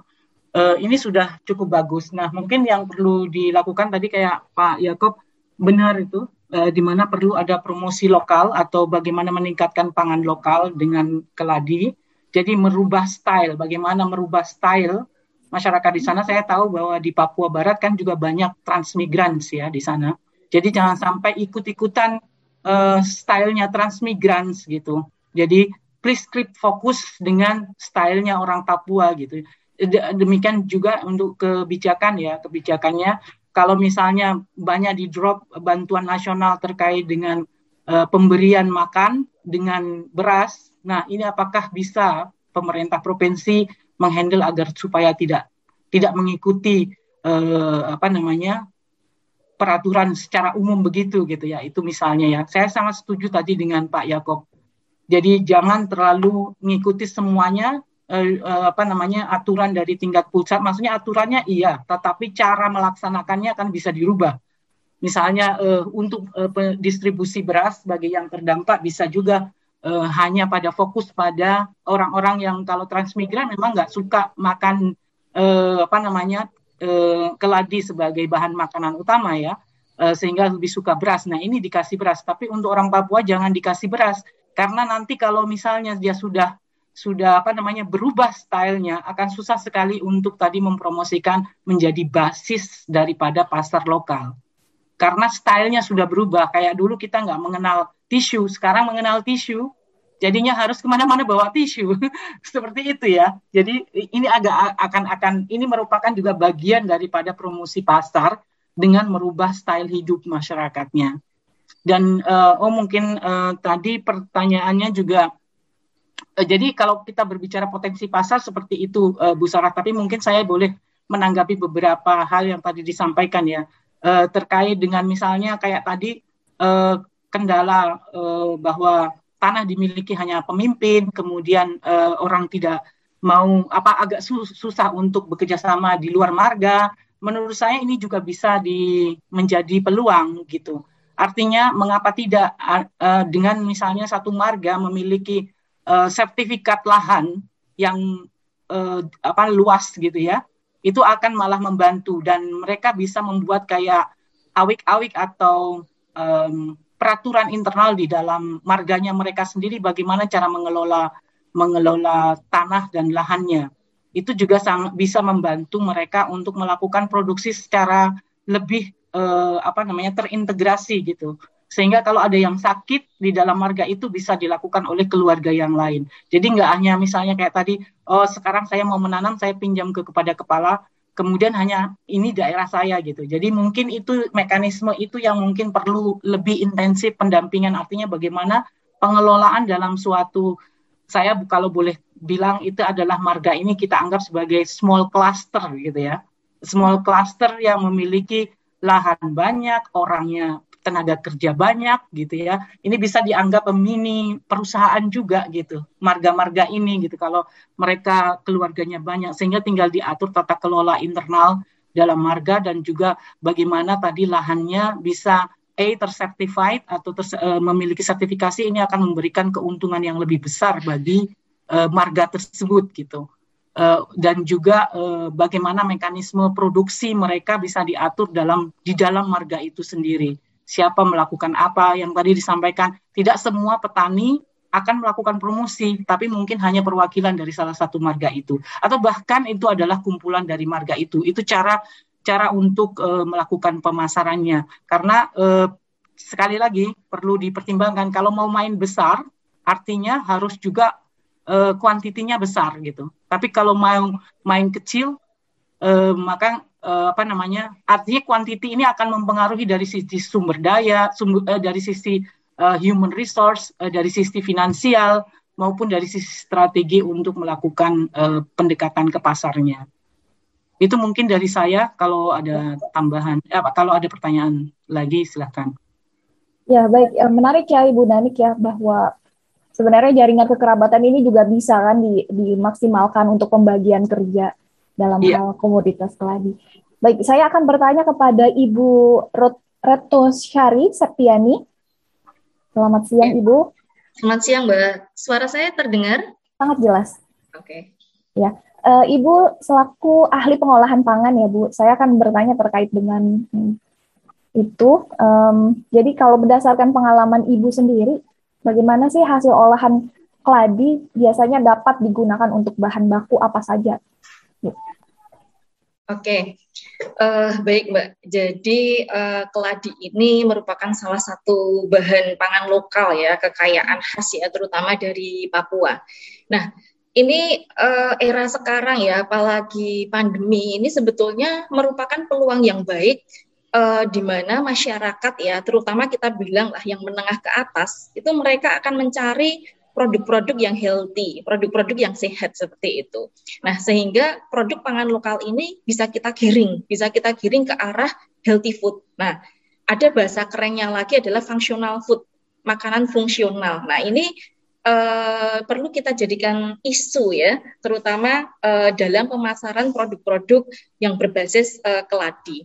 Jadi seperti yang disampaikan oleh Bu Nani tadi ya, bahwa keladi ini dari ujung atas sampai bawah lah ibaratnya itu uh, memiliki banyak manfaat. Nah, Uh, saya sedikit uh, uraikan ya yang yang saya ketahui gitu ya. Salah satunya misalnya untuk daunnya saja yang tadi Bu Nani bilang ya itu memang diekspor ya salah satunya ke Australia atau ke Amerika daun kering itu dijadikan bahan baku minuman herbal di sana. Nah, ini kan menunjukkan uh, memang uh, dari daunnya saja sudah punya potensi. Kemudian untuk umbinya, nah ini kita bisa segmenkan ke beberapa uh, aspek ya. Jadi pengolahan uh, keladi ini dari umbinya ini bisa ke makanan yang segar gitu ya istilahnya basah lah atau semi basah, kemudian intermediate product, dan yang terakhir adalah finish good atau uh, produk jadi ya yang lebih awet. Nah, ini kita bisa segmen-segmenkan. Misalnya kalau untuk yang uh, makanan segar ya, nah ini mungkin sudah biasalah dikonsumsi, misalnya hanya direbus seperti itu ya, atau dibikin uh, apa ya seperti bubur atau apa. Nah kemudian yang uh, bisa kita lakukan untuk semacam apa ya? Uh, meningkatkan umur simpannya adalah dengan intermediate product. Nah, intermediate product ini salah satunya tadi dengan pati talas atau pati keladi atau tepung ya. Jadi ini sudah sudah beda beda segmen ya. Tepung dengan pati itu juga uh, memiliki perbedaan segmen pasar begitu. Nah, uh, kita bicara tepung dulu. Dari tepung keladi ini umur simpannya bisa sampai satu sampai satu setengah tahun. Nah, pengalaman uh, kami uh, kami dari Jogja ya, saya di Jogja ini kami pernah kirim ya dalam tanda, tanda petik ya istilahnya ekspor ya ke luar negeri. Tepung-tepung ini salah satu syaratnya adalah uh, umur simpannya itu bisa sampai 18 bulan, yang di mana uh, salah satu cirinya adalah kadar airnya di bawah 10%. Kenapa harus uh, sampai 18 bulan? Karena pengiriman lewat jalur laut ya misalnya itu perlu waktu sekitar 2-3 bulan ke negara uh, tujuan. Nah, ini otomatis kan umur simpannya harus uh, lama. Nah, kemudian dari uh, intermediate product ini yang berupa tepung atau pati, ini bisa kita buat uh, banyak produk ya. Salah satunya adalah ke arah biskuit ya atau bakery product. Nah, di bakery product ini pun bisa macam-macam. Ya bisa ke arah bread, bread itu roti manis atau roti tawar begitu ya. Kemudian bisa ke arah cake dan brownies ya kemudian bisa ke arah cookies atau biskuit nah yang lebih uh, awet ya kalau ke roti tawar atau bread kemudian bakery ini kan umur simpannya maksimal ya mungkin satu mingguan tapi kalau dengan cookies ya ini umur simpannya bisa sampai enam bulan nah ini kan nilai ekonomisnya kemudian menjadi lebih tinggi ya nah Selain itu juga bisa kita buat mie ya, noodle ya. Nah, mie ini juga macam-macam ini. Ini bisa mie segar, bisa mie kering, bisa mie instan. Nah, mie segar uh, umur simpannya tidak lama ya, paling satu hari. Nah, ini mungkin bisa untuk uh, di uh, warung makan atau mungkin di kafe-kafe bisa sih pakai yang model mie segar. Tapi kalau untuk pemasaran lebih luas, uh, lebih baik untuk yang mie kering atau mie instan. Nah, ini dari uh, satu varian mie kering atau mie instan saja sudah bisa kita nanti variasikan ya dari uh, mungkin ditambahi bumbu rasa soto, rasa uh, ayam dan seterusnya seperti itu. Karena kalau mie ini adalah orang Indonesia common ya, familiar lah dengan mie gitu. Sehingga saya rasa untuk pemasaran mie dengan bahan baku talas ini tidak uh, tidaklah sulit karena uh, orang sudah bisa oh menerima mie ya biasanya hanya bahan bakunya itu diubah saja.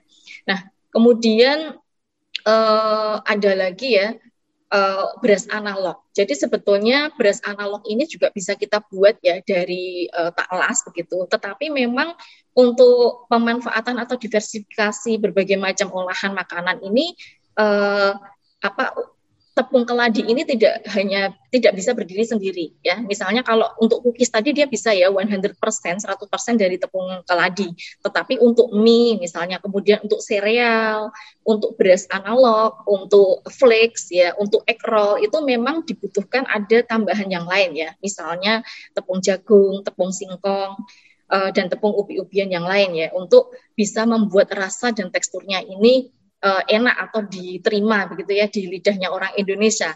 Karena kebanyakan orang Indonesia itu mohon maaf ya, uh, lidahnya itu sudah familiar dengan yang namanya terigu atau gandum gitu ya. Sehingga ketika dibandingkan dengan sumber lokal yang uh, seperti ladi, seperti singkong itu wah bilangnya kurang delicious gitu ya, kurang enak. Nah, itu tantangan gitu ya, khususnya di dunia uh, pangan dan kuliner, bagaimana membuat pangan lokal ini menjadi delicious ya, menjadi enak gitu kan. Nah, tentunya kita uh, memformulasikan tidak hanya tunggal uh, di apa dari tepung keladi saja ya, tapi bisa dikombin, dikombinasi dengan uh, tepung-tepung lokal yang lain gitu ya. Mungkin ada jagung, ada hmm. singkong yang saya rasa itu banyak ya di Indonesia. Nah, ya. kemudian tapi, um, itu, ya, Ya, secara ilmiah Bu ya, um, kandungan apa saja sih kira-kira yang ada dalam komoditas keladi Papua tersebut? Dan apakah memang cocok untuk diver, diversifikasi pangan sehat? Ya, jadi uh, apa namanya uh, di dalam keladi ya atau talas ini sendiri kandungan gizinya cukup banyak ya. Tadi dari segi kalorinya itu termasuk kalori hmm. rendah ya sebetulnya, karena dia ada karbohidrat kompleks, jadi serat pangannya itu tinggi.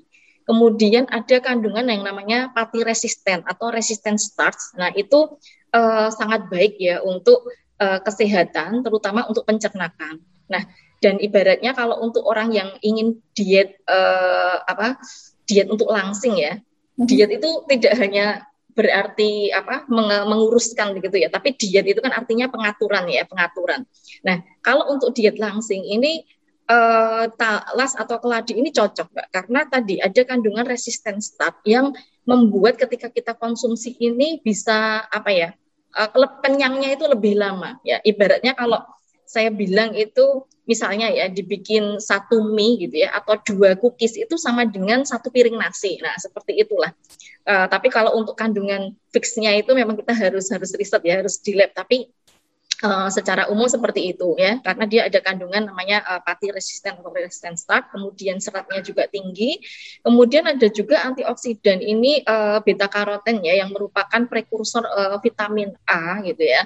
Uh, apa dan antioksidan. Nah ini dari bahan-bahan yang terkandung pada talas ini potensial sekali ketika kita untuk memblow up atau mengisukan gitu ya bahwa talas ini bisa masuk ke arah makanan fungsional gitu ya atau healthy food atau functional food. Nah, ini bisa meningkatkan nilai jual dari keladi atau talas tersebut.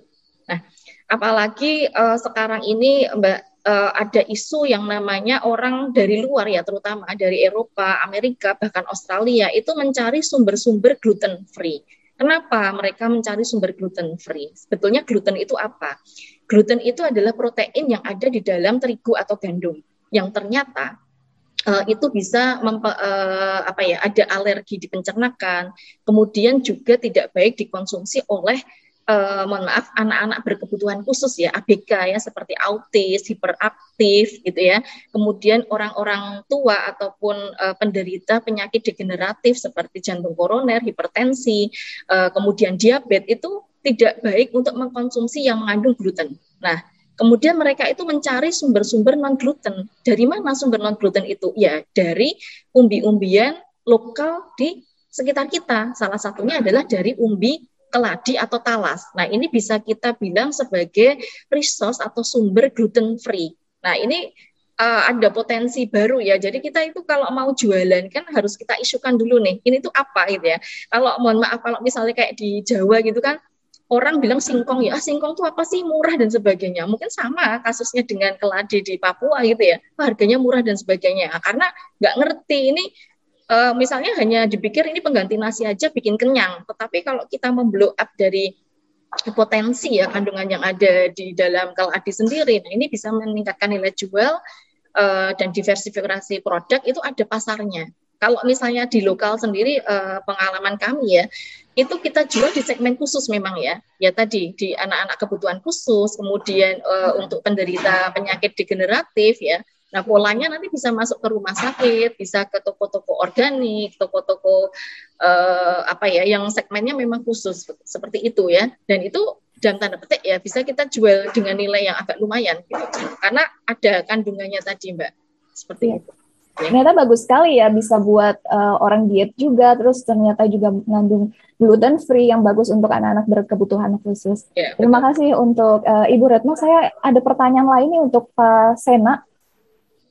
Ya, Mbak.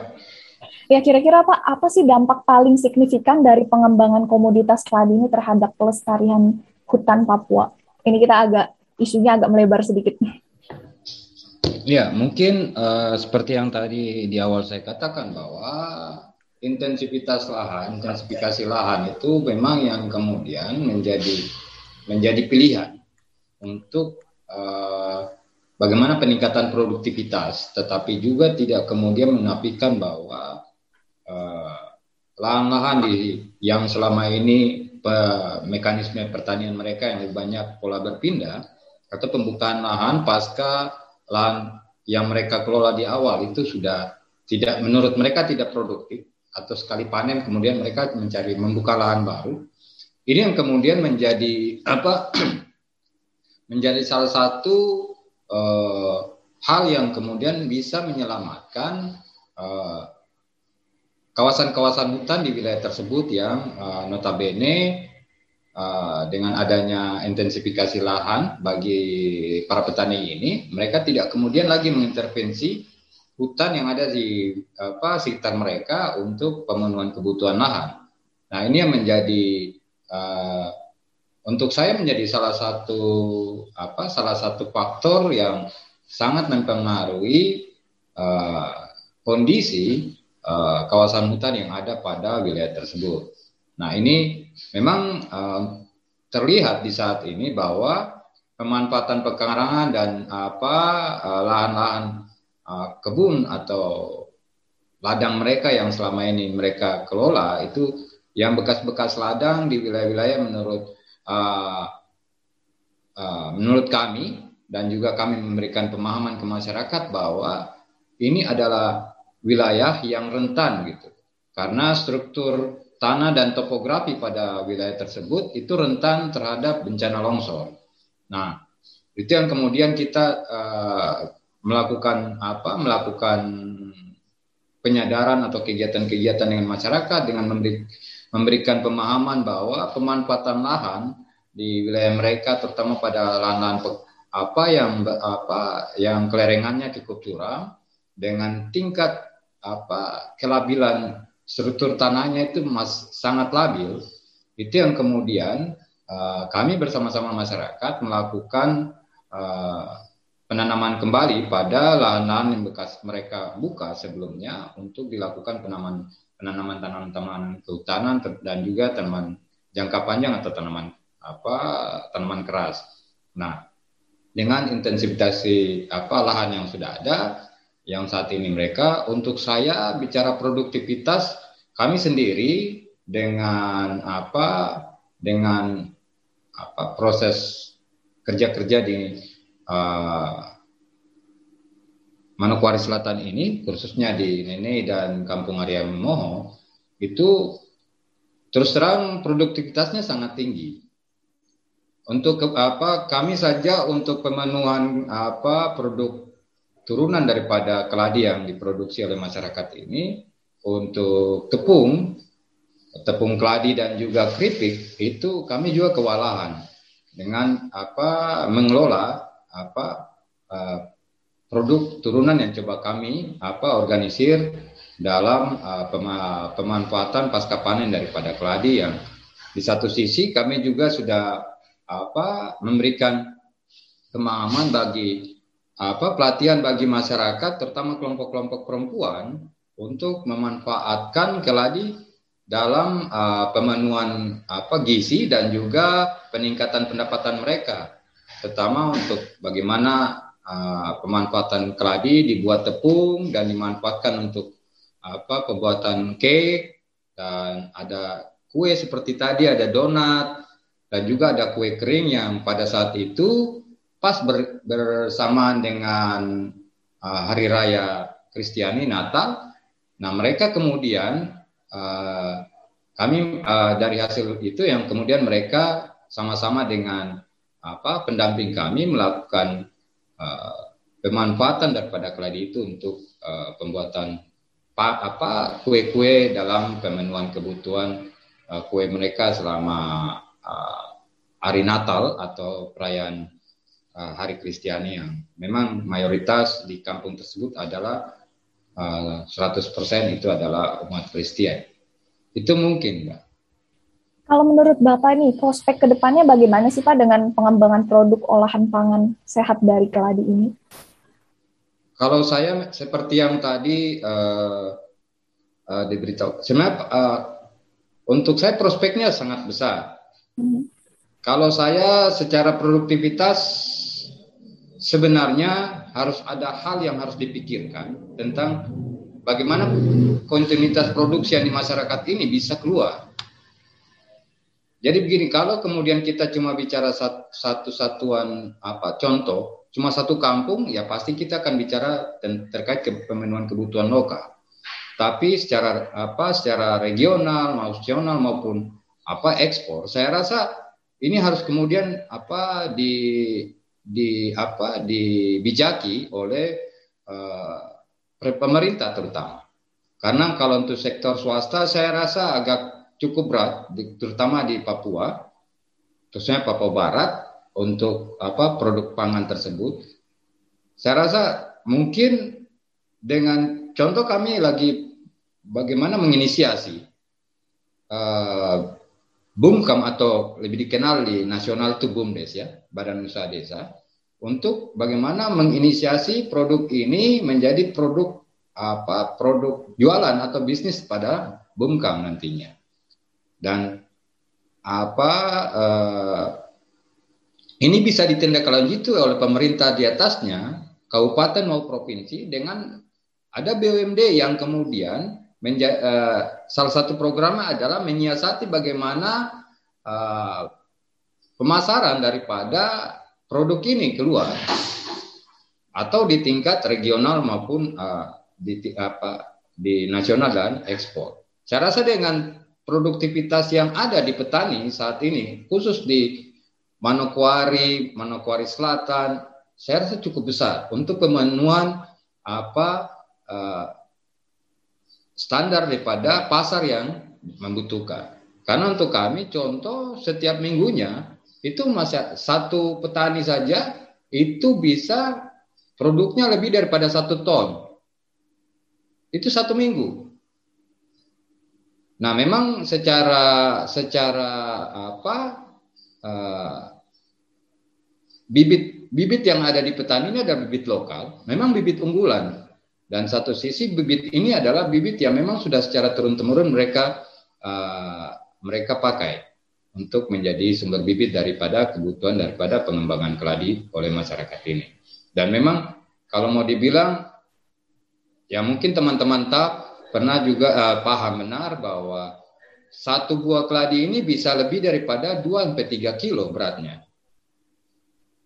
Dan ini untuk kami uh, saya rasa kita harus pikirkan bersama-sama dengan teman-teman di pemerintahan khususnya bagaimana saya dan di pemerintah kan sebenarnya di setiap OPD itu kan apa ada apa pembebanan berapa sih PAD dari tiap-tiap OPD untuk dikontribusikan ke, ke, kepada apa daerah.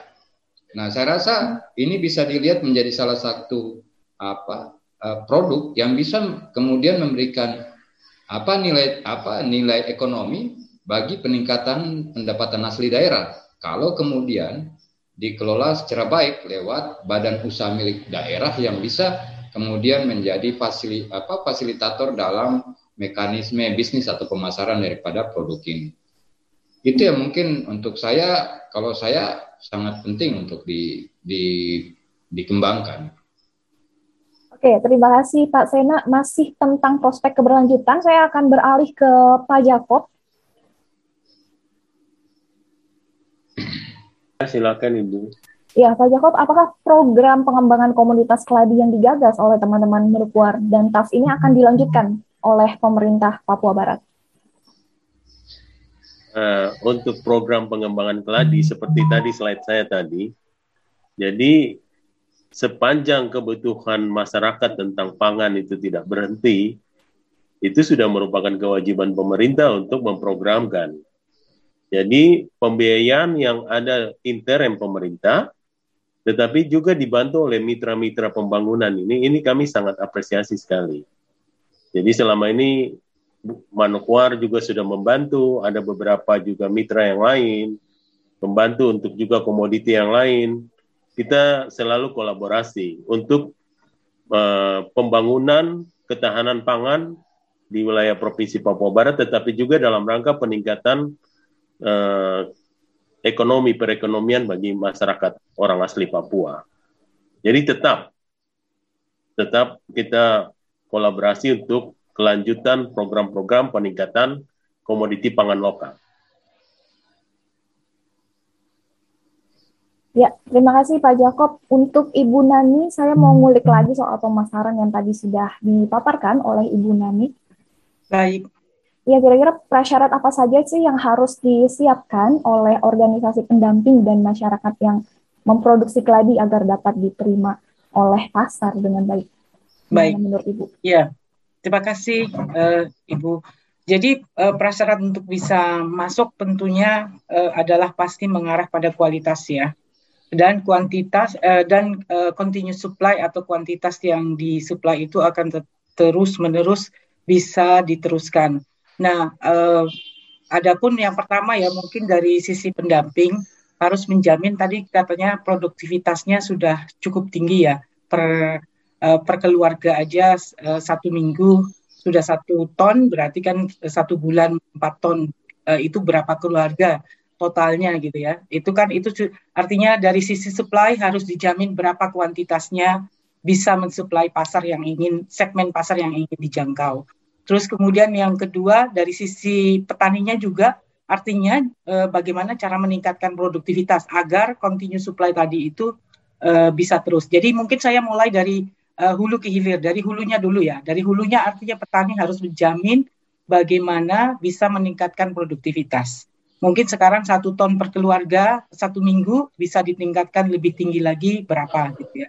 Terus kemudian yang kedua adalah dari uh, apa namanya sisi nanti kalau mau menjual itu ya berarti harus ada semacam kalau tidak bekerja sama dengan perusahaan yang sudah ada di sana, mungkin ada ada kayak uh, pengumpul perusahaan pengumpul atau uh, perusahaan apa middleman gitu ya yang sudah ada di sana itu akan lebih mudah sebenarnya. Tetapi kalau misalnya uh, mau memulai sendiri kayak tadi karena uh, ada kelompok keluarga banyak sekali gitu ya sehingga mereka bisa mendivisikan tas dan mau membuat usaha baru untuk bisa melakukan penjualan kayak tadi disampaikan Pak um, apa namanya Pak Seno membuat BUMD atau BUMDes gitu ya maka tentunya pasti diperlukan ada legalitas yang jelas karena nanti kalau mau mengirim uh, apa namanya mau uh, menjual itu juga harus mengikuti peraturan di Indonesia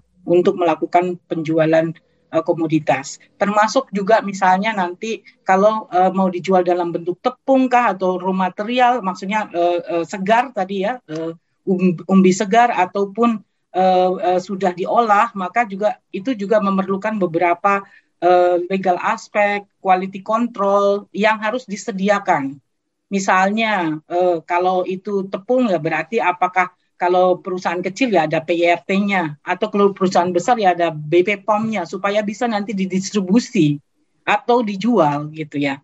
Jadi itu yang harus beberapa legal aspek yang harus di apa namanya dipenuhi. Selain legal aspek untuk perusahaannya sendiri berhubungan dengan uh, perusahaan lain atau perusahaan besar misalnya ya, maka dia juga harus jelas terkait dengan uh, financial account uh, atau uh, maaf uh, apa uh, keuangan laporan keuangan maupun juga uh, apa namanya untuk nanti kalau ada transaksi billing dan juga memahami mengenai konteks kayak gitu ya atau uh, perjanjian antara uh, pembeli dan penjual ini juga hal-hal yang perlu di capacity atau perlu di apa tingkatkan bagi pendamping agar supaya mereka memahami kalau memulai sesuatu di bidang itu. Selain daripada tadi selalu memperluas network mulai ke dari kecil dulu mungkin kalau yang tadi di mau dari lokal dulu kemudian mau da, ke ke apa namanya jadi lihat dulu kemampuan dirinya dari sisi hulu sampai tengah itu apa yang bisa di, di, di apa disediakan gitu ya baru ngelihat segmen mana yang saya mau mau mau masuk. Jangan sampai saya masuk ke segmen yang kegedean tetapi nanti akhirnya nggak nggak bisa menjamin supply. Atau masuk ke segmen yang terlalu kecil jadinya kita harus berdealing dengan begitu banyak ke eh, apa namanya eh, eh, apa pasar-pasar nantinya gitu ya. Jadi eh, jadi lihat harus benar-benar dilihat antara kemampuan diri dan juga eh, pasar yang akan eh, digapai gitu itu kurang lebih eh, apa namanya dan dari sisi dari sisi apa namanya pe, uh, hubungan antara hubungan antara si uh, industri dan kita yang paling besar adalah trust. Building trust ini yang paling sulit sehingga nggak bisa eh, apa namanya misalnya saya kenal seorang perusahaan terus langsung saya kasih namanya silakan kontak gitu ya. Jadi memerlukan proses yang lama eh, untuk bisa building up trust. Oleh karena itu eh, baik dari petani, pendamping, pemerintah harus istilahnya ulet ataupun uh, nggak mudah patah semangat gitu. Artinya sering kali kita masuk misalnya ini ya, oh masuk ke sebuah apa namanya toko um, um, apa um, modern gitu ya, Mo, apa atau supermarket modern gitu ya. Ah mereka bayarnya mungkin lima bulan setelah kita supply, sehingga gimana nih dengan petani kan mereka mau cash and carry selama ini gitu ya Hmm. Nah, itu yang harus di, juga dipertimbangkan. Eh, Artinya gimana caranya? Apakah saya bisa kerjasama dengan bank dengan menggunakan letter of intent? Uh, apa namanya? Apakah saya bisa membu uh, apa namanya ada dari koperasinya atau dari pemerintah sendiri yang uh, memberikan uh, apa namanya uh, in front payment gitu misalnya dengan uh, adanya penjaminan pasar tadi misalnya Artinya pemerintah juga masuk di dalam situ hanya sebagai penjamin aja terhadap terhadap si uh, penjual misalnya, eh terhadap si pembeli atau uh, pasar bayarnya gitu. Sehingga ini juga bisa dilakukan ada beberapa cara yang bisa uh, dilakukan dengan memanfaatkan beberapa stakeholder. Ya, tapi berarti tetap uh, building trust itu ya Bu yang penting dalam melakukan kerjasama untuk perluasan betul. pasar ini. Betul, betul ya. sekali. Terima building kasih. trust dan juga mungkin uh, uh, poin yang lain adalah um, selalu memperluas network apalagi kalau sekarang ada pemerintah karena di Indonesia bagaimanapun pemerintah adalah masih main key player dari uh, pembangunan gitu ya um, meskipun juga diharapkan swasta menjadi main key player tapi saat ini mungkin di beberapa tempat tertentu kan masih uh, pemerintahnya yang menjadi main key, main main key player atau pemain utama dalam penggerak pembangunan gitu. Sehingga ap apabila sudah ada kerjasama seperti itu dimanfaatkan aja. Bagaimana supaya eh, apa namanya antara bayar pemerintah dan kita juga bisa membantu. Atau mungkin kalau nggak ada seperti itu apakah dengan banks uh, misalnya seperti itu. Atau okay. perbankan Ya, terima kasih Ibu Nanik. Jadi itu ya poin um, utamanya adalah expand network dan building trust. Terima hmm. kasih. Uh, dan saya akan beralih ini ke Ibu Retno. Ibu Retno, kira-kira jika potensi produksinya tinggi dari um, komoditas keladi ini, apakah bisa kemungkinan menggantikan beras untuk dikonsumsi tidak hanya masyarakat Papua secara luas, tapi bahkan ke Papua Barat, bahkan Indonesia? Gitu. Iya, Uh, mungkin sekali Mbak peluangnya ya, karena uh, saat ini juga konsumen ya, terutama saya bilang uh, menengah ke atas ya, bisa dibilang seperti itu, yang mereka itu mencari uh, produk yang lebih sehat seperti itu, memang uh, saat ini bisa dibilang apa ya, meninggalkan beras gitu ya. Notabene uh, beras ini uh, karbohidratnya apa namanya uh, sudah tidak kompleks sehingga bisa meningkatkan gula darah seperti itu sehingga alternatif mencari uh, yang mengenyangkan ya sumber karbohidrat selain beras ini uh, diminati. Nah, kalau di saat ini yang baru berkembang ini kalau Mbak tahu ah, beras sirataki ya itu dari porang ya. Nah, dari tepung porang ini kan baru uh, ngetren. Nah, ini uh, laku Mbak ini di pasaran ya. Jadi beras sirataki namanya ya mungkin dipopulerkan sama Jepang tapi padahal bahan bakunya itu kan dari Indonesia ya dari porang. Nah ini uh, talas ini sebetulnya potensi untuk dibuat seperti itu ya. Jadi masuk kategorinya nanti di beras analog. Dan sebagai apa ya mungkin mungkin uh, tidak setiap hari ya kita konsumsi tapi bisa menjadi alternatif pilihan terutama untuk orang-orang yang ingin diet tadi ya. Dalam hal ini diet tidak untuk menguruskan badan saja, tetapi diet untuk kesehatan seperti itu.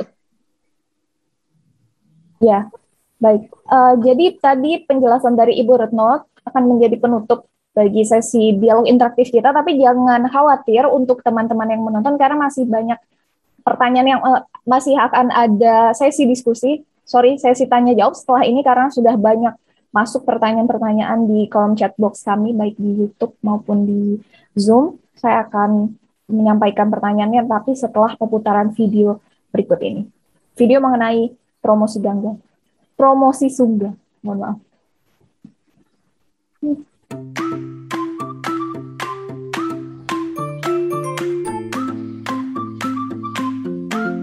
Tepung dan keripik keladi sungga. Tepung dan keripik ladi sungga merupakan produk olahan yang sehat dan berkualitas tinggi yang dihasilkan oleh masyarakat Nene di Pegunungan Arfak, Papua Barat. Dikelola secara tradisional tanpa menggunakan pupuk kimia. Keladi yang digunakan untuk menghasilkan tepung dan keripik sungga terbukti mampu menjaga kadar gula, mencegah penyakit jantung, hingga mengurangi resiko kanker. Sebagai produk yang bebas gluten dan tepung, keripik ladi sungga membantu Anda untuk hidup sehat. Petani-petani di Nene, Pegunungan Arfak Manokwari Selatan, telah menyediakan produk berkualitas tinggi melalui pengelolaan yang berkelanjutan dengan tetap menjaga kelestarian hutan dan alam Papua Barat. Ganti tepung yang Anda gunakan dengan tepung keladi sungga yang mengubah pola hidup sehat Anda. Rasakan juga produk olahan keripik keladi sungga dengan varian rasa yang siap menggoyang lidah dan hati Anda. Ada rasa gurih, keju, pedas manis, coklat, green tea, dan balado yang semakin melengkapi rasa Anda. Tepung dan keripik keladi sungga mengubah gaya hidup sehat Anda dari sajian tradisional masyarakat asli Papua Barat di Pegunungan Arfak. Hidup sehat, kelestarian hutan Papua Barat juga terjaga. Saatnya Anda berkontribusi dengan membeli produk ini.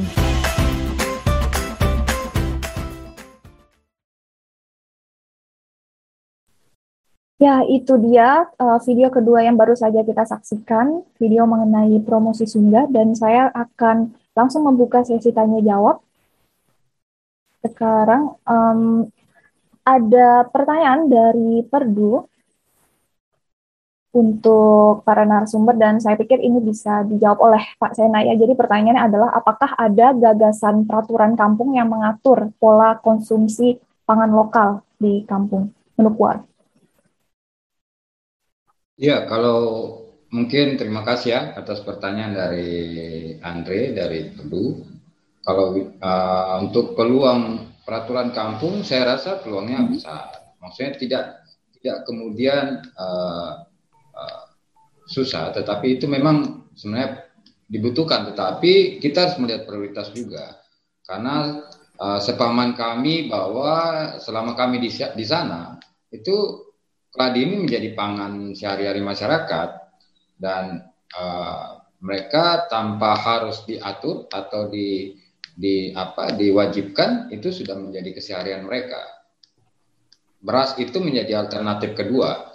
Kalau karena di satu sisi beras ini kan cukup mahal gitu. Kalau bicara beras raskin ini kan uh, tidak tiap bulan juga ada. Istilahnya bahwa keladi ini untuk mereka menjadi pangan mereka hari-hari. Jadi untuk saya kalau bicara peraturan kampung untuk mengatur itu untuk saat ini bukan menjadi hal yang apa menjadi prioritas tapi itu bisa di, uh, apa bisa di apa di, di bersama-sama dengan masyarakat bisa dibuat tapi uh, karena kesadaran masyarakat saat ini untuk pola konsumsi keladi menjadi pangan mereka itu masih menjadi hal harian untuk saya belum mungkin pada saat ini belum perlu diatur khusus peraturan kampung. Kita men, apa mendorong peraturan kampung untuk apa saya itu menjadi hal skala prioritas berdasarkan kebutuhan masyarakat. Kita tidak bisa memaksakan sesuatu produk apa produk lokal tanpa itu menjadi hal yang menjadi apa uh, bukan menjadi kebutuhan kebutuhan masyarakat dan juga kita sadar diri bahwa uh, kapasitas aparat pemerintahan kampung kita itu mungkin semua teman-teman paham bahwa tidak semua uh, aparat kampung kita itu seperti yang ada pada wilayah Indonesia pada umumnya. Karena di satu sisi uh, kepala kampung atau sekretaris kampung pengangkatan mereka itu atau aparat kampung lainnya pengangkatan mereka itu uh, secara apa uh, berdasarkan apa keberadaan sebuah toko, baik itu dia pemilik hak layat atau apa uh, hak atau wilayah wilayah lahan terbesar pada wilayah tersebut atau dia sebagai seorang pemimpin yang memang benar-benar dipandang masyarakat bisa kemudian membawa mereka menjadi apa uh, seorang kepala kampung atau kepala desa. Jadi kepala kampung atau kepala desa itu sama apa sama pemahamannya. Cuma kalau di secara umum Indonesia bilang desa, kalau kita di Papua pendekatannya kampung secara administrasi. Sama uh, selain itu juga uh, kami melihat bahwa produk produk produk apa kebijakan lokal uh, peraturan kampung atau lokal uh, itu menjadi hal yang uh, apa yang untuk kami akan disesuaikan dengan kebutuhan daripada kondisi sosial budaya yang ada pada wilayah tersebut. Kalau mungkin peraturan apa peraturan daerah baik di kabupaten atau provinsi, saya rasa itu sangat dibutuhkan untuk menjadikan apa produk lokal atau pangan produk pangan lokal ini menjadi hal yang apa menjadi tren bagi atau kekhususan bagi uh, Papua Barat pada umumnya. Itu mungkin dari saya, Mbak. Ya, baik. Terima kasih untuk penjelasannya, Pak Sena. Saya akan beralih ke Ibu Nanik. Ini ada pertanyaan dari Tashhudi, Ahmad Tashhudi dari Yayasan Sri Kandi Tuban. Pertanyaan untuk Ibu Nanik, apakah ada peluang kerjasama dengan para petani kecil, misalkan MOU dengan petani-petani yang ada di Tuban Jatim? Terima kasih. Uh, Ya, pada dasarnya pasti ada aja peluang itu untuk untuk apa namanya untuk melakukan kerjasama ya. Dalam arti apakah uh, khususnya dalam pemasaran, uh, apakah perusahaan misalnya ya, uh, kami juga pernah melakukan uh, membantu untuk melakukan pemasaran bersama uh, untuk produk misalnya apa chip chip uh, pisang coklat gitu ya misalnya. Itu juga bisa dilakukan. Tapi mungkin perlu dipertimbangkan juga misalnya untuk petani yang ditubang tadi. Apakah layak melakukan kerjasama dengan misalnya uh, lokasi yang jauh gitu ya karena nanti itu akan mempengaruhi produksi. Jadi sebelum sebelum melakukan kerjasama perlu dicek ulang. Satu terkait dengan kos produksi, kos transportasi, terus kemudian dampak daripada nanti kalau kita melakukan kerjasama dan keuntungan daripada kerjasama.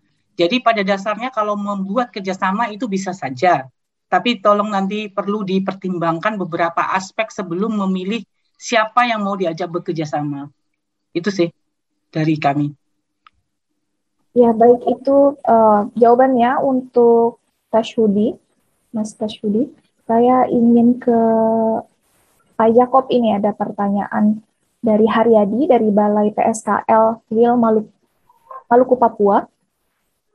Kami sering bertemu dengan masyarakat yang punya potensi keladi yang cukup besar, potensi komoditas keladi yang cukup besar. Mereka hanya memanfaatkan sebatas konsumsi dan dijual di skala pasar lokal saja. Uh, mereka sering meminta kami untuk mencarikan pengusaha yang bisa bekerja sama dengan mereka untuk membantu pemasaran atau membeli produk mereka. Oleh karena itu saya apakah bisa minta kontak of, of the care yang bisa menampung hasil produk petani hutan tersebut. Jadi um, mungkin semacam perluasan pasar apakah bisa dijembatani gitu. Ya, mungkin saya boleh jawab ya. Iya, baik. Ya. Uh, jadi mungkin ada beberapa hal yang bisa dilakukan. Um, yang pertama adalah uh, mungkin dari pemerintah ya atau mm-hmm. dari lembaga di sekitar, yaitu sering melakukan kegiatan-kegiatan untuk temu bisnis, yaitu me melakukan uh, apa uh, bisnis matching antara perusahaan-perusahaan dengan mungkin kalau saya boleh menyarankan mulailah dengan yang ada di lokal dulu karena saya saya ngelihat kalau di Papua itu ada kendala accessibility ya, sehingga ini akan sangat memper, mem, mem, mempengaruhi terkait dengan kos. Uh, sehingga saya mengusulkan agar supaya uh, uh, pemerintah bisa memfasilitasi terkait sering melakukan business matching, apakah ini dikombinasikan dengan pameran atau ini dikombinasikan dengan uh, beberapa event dari pemerintah yang mendorong misalnya kalau ada pelatihan terkait dengan UMKM sekaligus mau dilakukan dengan business matching. Artinya apa e, persiapannya? Yaitu e, perlu pendataan daripada pelaku usaha yang ada di sana yang memungkinkan untuk masuk di dalam bisnis ini. Seperti tadi saya sampaikan kan e, dan Bu Retno sampaikan segmentasi pasarnya banyak nih. Ada yang bisa dengan uh, rumah sakit, ada yang bisa dengan perusahaan industri makanan, ada yang bisa dengan peternak, atau uh, apa namanya uh, bidang peternakan untuk pengolahan uh, pakan ternak misalnya ya. Jadi bisa membuat bisnis matchingnya sesuai dengan segmentasi pasar yang uh, sudah ada dan juga kondisi daripada supplier. Misalnya kalau di petani saat ini belum ada yang melakukan uh, pengolahan untuk pakan ternak ya tentunya nggak bisa ya dilaku difasilitasi itu. Artinya antara dari supplier dan calon buyer itu harus match juga kondisinya. Kemudian yang kedua yang perlu dipersiapkan adalah dari uh, pas suppliernya sendiri ini perlu membuat semacam informasi sendiri terkait dengan uh, atau kayak entah flyer, entah uh, proposal, whatever namanya gitu ya. Uh, ini yang mengandung beberapa informasi terkait dengan lembaganya, terkait dengan uh, apa namanya quantity produk yang bisa disuplai, kemudian terkait dengan tadi misalnya perizinan yang sudah dimiliki, terus kemudian juga mungkin terkait dengan harga yang mau ditawarkan dan bagaimana kira-kira nanti siapa yang tanggung transportasi uh, atau yang akan jadi sudah ada semacam bisnis proposal yang mungkin didampingi nggak tahu uh, oleh pendamping di sana atau oleh pemerintahnya sendiri pendamping pemerintah gitu ya itu yang perlu disiapkan dari sisi supply. Nah, yang dari sisi bayarnya sendiri mungkin yang perlu dilakukan oleh si uh, apa namanya uh, organis organisator uh, business matching adalah uh, tadi identifikasi siapa aja pasar siapa aja uh, perusahaan yang sesuai dengan segmen yang mau di match matchingkan kemudian uh, melakukan uh, apa namanya pendekatan terlebih dahulu terhadap mereka agar supaya mereka uh, istilahnya siap datang. Bahkan informasi terkait tadi bisnis proposal sudah bisa disampaikan terlebih dahulu kepada calon uh, buyer yang mau di matchmaking kan. Sehingga pada waktu hari matchmaking atau day of business matching itu uh, tinggal membahas lebih detail uh, beberapa hal. Mungkin setelah itu akan ada beberapa follow up misalnya perusahaan akan melakukan inspeksi uh, kepada apa namanya uh, calon suppliernya misalnya. Ini juga harus uh, dipersiapkan juga oleh si supplier bahwa ada nanti potensi implikasinya seperti itu sehingga mereka juga dari sisi internal struktur uh, di lembaganya juga harus dipersiapkan begitu.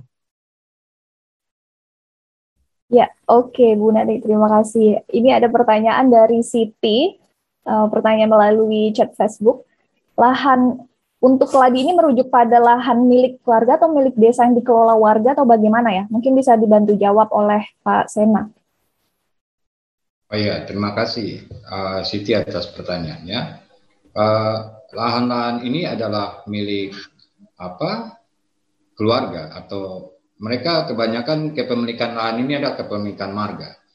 Nantinya dari lahan sebesar apa lahan luasan lahan yang sangat besar itu kemudian dibagi-bagi berdasarkan eh, keluarga-keluarga uh, yang termasuk dalam uh, sistem marga tersebut. Nah, kebanyakan lahan keladi ini setiap keluarga punya lahan, punya kebun keladi atau ya tadi bilang talas ya. Nah, ini uh, jadi mereka sistemnya mereka ya kelola setiap keluarga gitu, Mbak. Oke, itu jawabannya ya untuk uh, Mbak Siti. Pertanyaan lainnya, apa yang membedakan keladi di Papua dengan tempat lain sehingga itu memiliki nilai lebih? Mungkin bisa dibantu jawab oleh Pak Jakob. Ya, terima kasih. Uh, saya menambahkan aja apa yang sudah dijelaskan Bu Nani tadi ya. Ya, baik. Jadi menyangkut permintaan pasar, kalau yang tadi dijelaskan Bu Nani benar, jadi kita harus membangun tadi ya apa hubungan dengan mitra-mitra yang berperan dalam hilirisasi. Nah, cuma ketika kita sudah membangun itu, jangan lupa di hulunya ini in, itu sudah mengarah kepada intensifikasi. Karena di sana bicara tentang eh, kuantitas berapa jumlah yang akan disuplai. Jadi tadi di hulu ini benar-benar kita harus membangun kekuatan kita, mendata secara baik luasan lahan yang dipakai untuk mengembangkan komoditi keladi, berapa tenaga yang ada di situ, berapa produksi yang akan dihasilkan. Nah, itu sehingga kita akan membangun itu. Kemudian tata niaganya yang tadi ya, apa sudah saya jelaskan dari awal bahwa perlu kita membuat pembagian apa tugas. Jadi kalau di hulu misalnya itu adalah memang tugas daripada instansi teknis yang bergerak di bidang pertanian untuk mengembangkan pengembangan komoditas. Tetapi kalau sudah memasuki mulai dari uh, pengolahan yang cukup besar, kita perlu ada lembaga lain lagi. Kalau di intern pemerintah misalnya harus ada misalnya dinas perindak, penelitian dan perdagangan. Nanti di situ dia menampung hasil, kemudian tadi ada buyer atau ada ini dia lakukan bisnis meeting, kebutuhan mereka berapa, itu nanti dia akan mengatur tentang supply. Nah, secara khusus kondisi di Papua Barat, mungkin tadi Pak Sena sudah menjelaskan ya, bahwa eh, orientasi dari masyarakat ini untuk berpikir secara lengkap, mulai dari kebutuhan konsumsi keluarga sampai ke kebutuhan bagaimana bisa mendapat nilai tambah daripada komoditi yang diusahakan, ah ini belum lengkap. Jadi tadi harus ada pendampingan yang menyeluruh untuk membentuk karakter daripada petani ini sehingga mereka tahu bahwa apa yang diusahakan ini adalah benar-benar akan memberikan dampak positif, mempunyai nilai tambah, dan memberikan pendapatan tambahan bagi mereka. Itu yang kita harus melakukan apa namanya pembinaan. Kemudian tadi dari pola konsumsi misalnya, tadi ada pertanyaan di chatting ya, apakah dari pemerintah sudah berpikir bagaimana mengeluarkan perda untuk uh, men, apa, pangan lokal ini dijadikan sebagai menu-menu utama. Ini kita sementara proses ini. Apa untuk menjadikan pangan lokal. Jadi bukan hanya keladi tetapi ada eh, produk pertanian lainnya seperti ubi jalar, petatas ya. Kemudian ada sagu. Kemudian juga ada apa namanya? bete. Nah, itu yang dimiliki oleh masyarakat ini kita berharap ada sukun misalnya itu bisa dijadikan sebagai menu utama dalam kegiatan-kegiatan ini. Uh, setuju sekali tadi nanti kalau sudah kita punya produk ini intensif misalnya budidaya intensif kita bisa bicara bukan hanya untuk uh, turunan untuk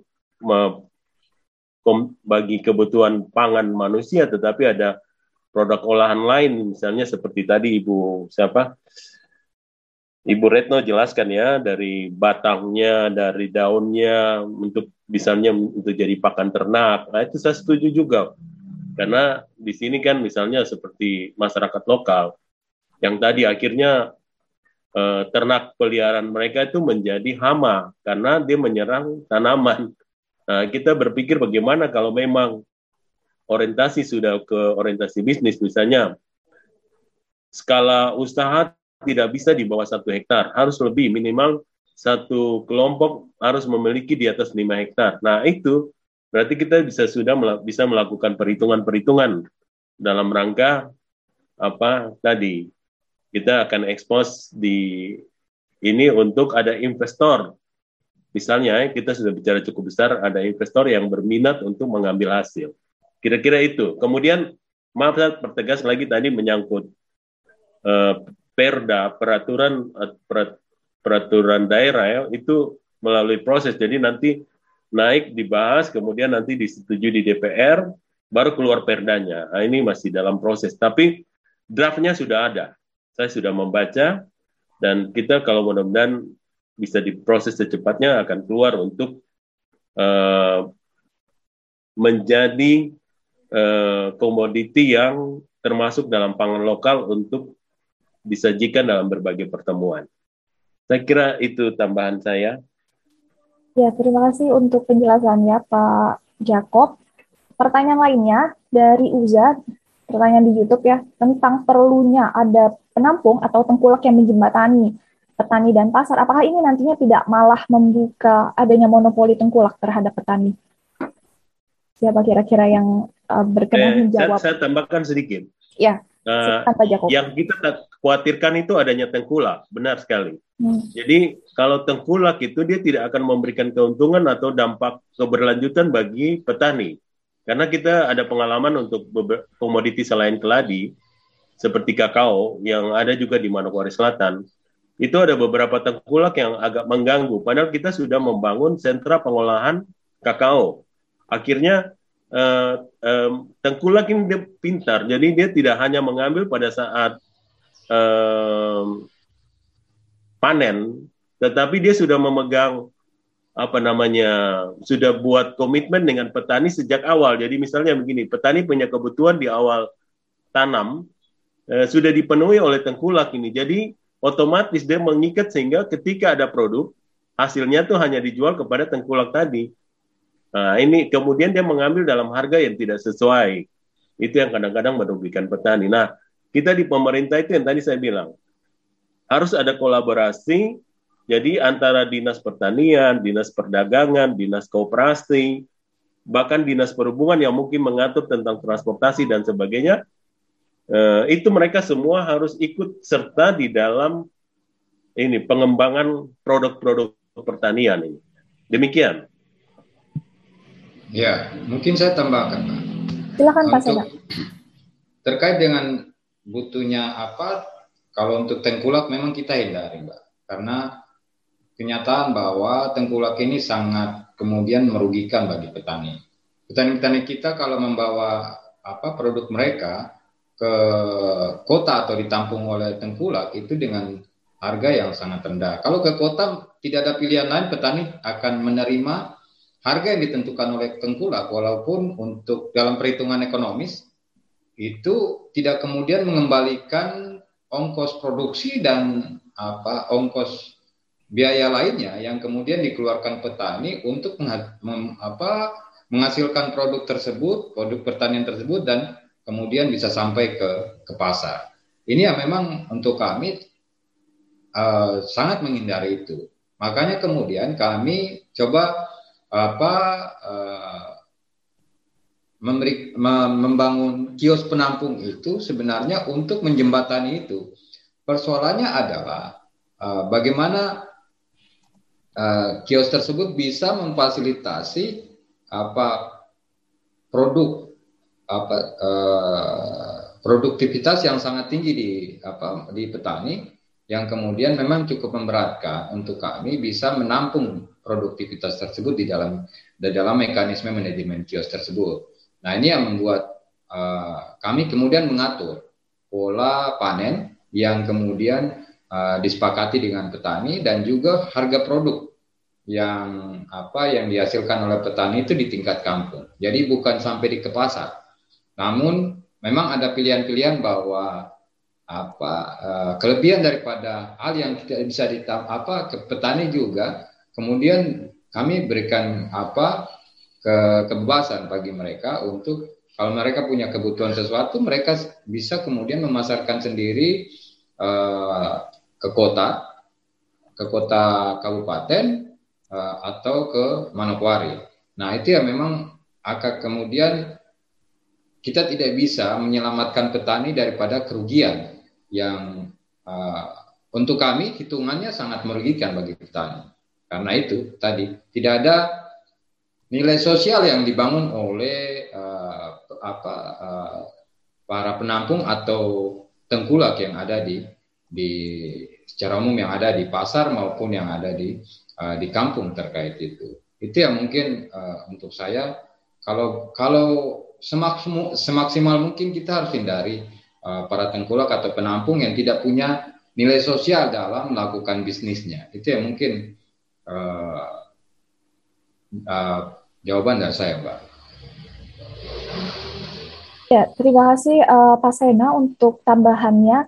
Dan dengan selesainya uh, pertanyaan ini terjawab oleh Pak Sena dan juga Pak Jakob juga Ibu Nanik dan Bu Retno kita sudah memasuki akhir acara, meskipun saya juga harus menyampaikan mohon maaf sebesar-besarnya karena tidak semua pertanyaan dapat dijawab. Dan tapi saya sangat mengapresiasi, berterima kasih kepada para peserta yang telah berpartisipasi dan um, melemparkan pertanyaan-pertanyaan secara um, aktif dalam diskusi kita di siang hari ini. Jadi saya menyampaikan bahwa acara dialog interaktif seri 2 ini sudah uh, selesai. Dialog interaktif seri 2 meramu keladi untuk pangan sehat, tapi mohon jangan beranjak terlebih dahulu karena kita akan menyaksikan video lainnya. Jadi ada video, ada dua video terakhir mengenai tutorial pembuatan tepung keladi dan tutorial pembuatan mie kering dari tepung keladi. Dan setelah itu kita juga akan ada foto bersama, jadi saya mohon para partisipan untuk tetap berada di Zoom ini sampai sesi yang sangat uh, akhir yaitu foto bersama. Ini dia videonya.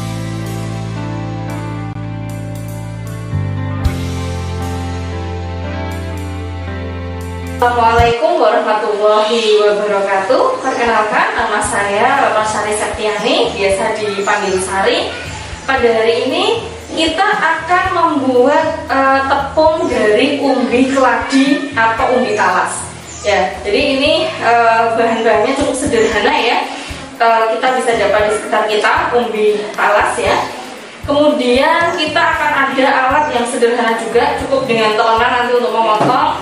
Kemudian pisau, baskom, dan ini ada garam uh, yang nantinya berfungsi untuk menghilangkan rasa kental dari umbinya. Sebelum membuat langkah pertama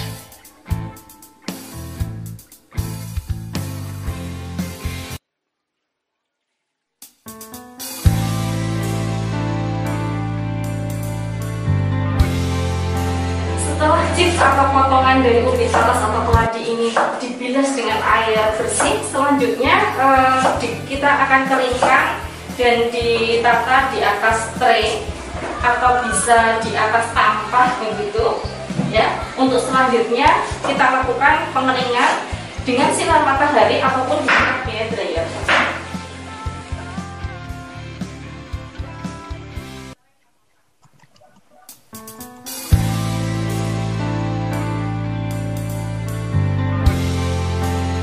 tradisional bisa dikeringkan langsung di bawah sinar matahari seperti ini atau lebih amannya kita masukkan ke dalam uh, rumah surya sehingga bebas dari debu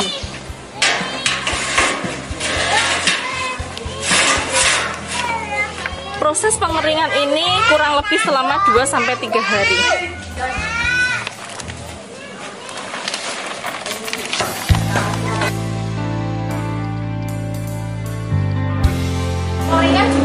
Dilakukan dengan kabinet dryer pada suhu sekitar 50 derajat Celcius.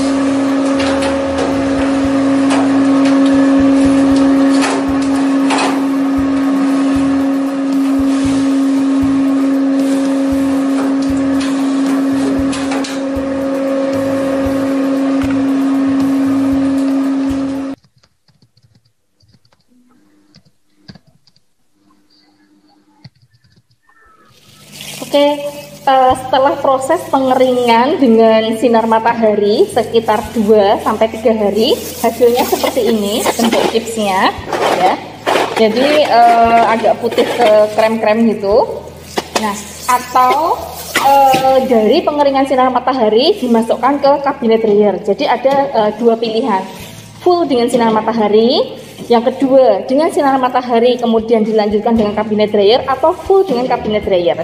Oke, setelah sticknya ini kering, ini kira-kira kadar airnya sekitar 10%. Nah, kemudian kita giling. Nah, untuk menggiling uh, chips keladi ini kita bisa menggunakan beberapa alat.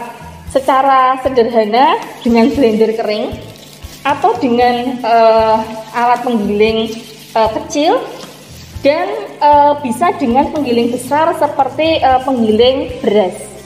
Oke, mari kita coba untuk menggiling.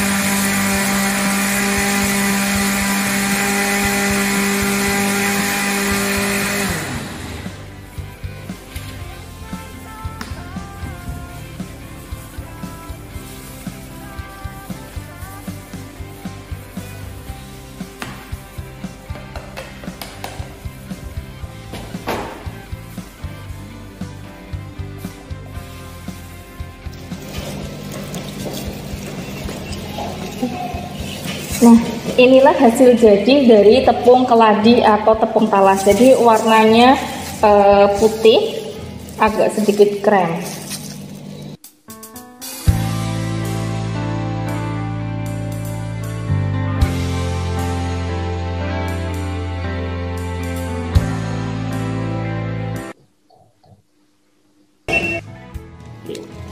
Bisa digunakan mesin giling sederhana seperti ini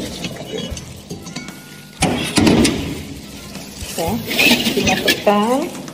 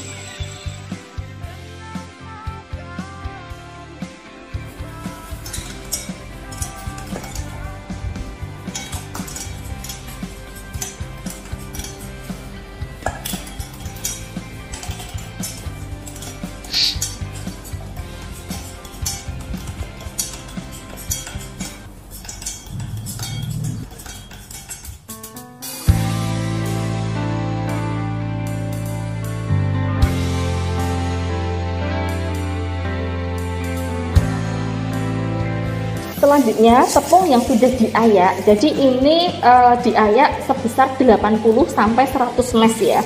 Benar-benar lembut. Kemudian kita kemas uh, salah satunya dengan kemasan seperti ini ya. Aluminium foil sederhana. Ini dengan timbangan digital ya sebanyak 250 gram.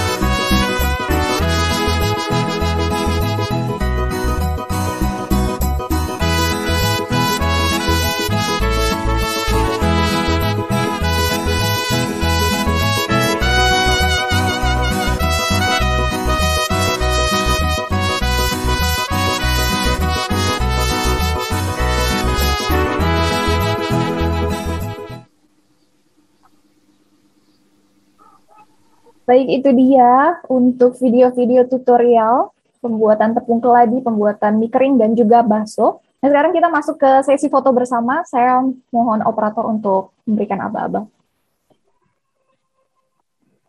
Dan saya mohon kepada para uh, peserta di Zoom ini untuk membuka kameranya. Semuanya on cam. Sudah? Satu, dua, tiga. Satu, tiga. Oke. Sekali lagi ya. Satu. Sudah kan semua? Ini satu. Satu, dua, tiga. Oke, terima kasih.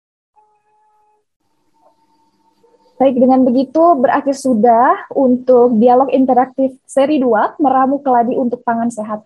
Saya mengucapkan terima kasih kepada para pembicara Ibu Nanik, Ibu Retno, Bapak Jakob, dan Bapak Sena, serta seluruh peserta yang telah uh, berpartisipasi dalam diskusi pada siang hari ini. Saya Sarah Monika selaku moderator memohon maaf apabila ada kekurangan dalam uh, memandu diskusi kita di siang hari ini dan sampai jumpa di seri diskusi selanjutnya. Selamat siang. Selamat siang, terima kasih semuanya.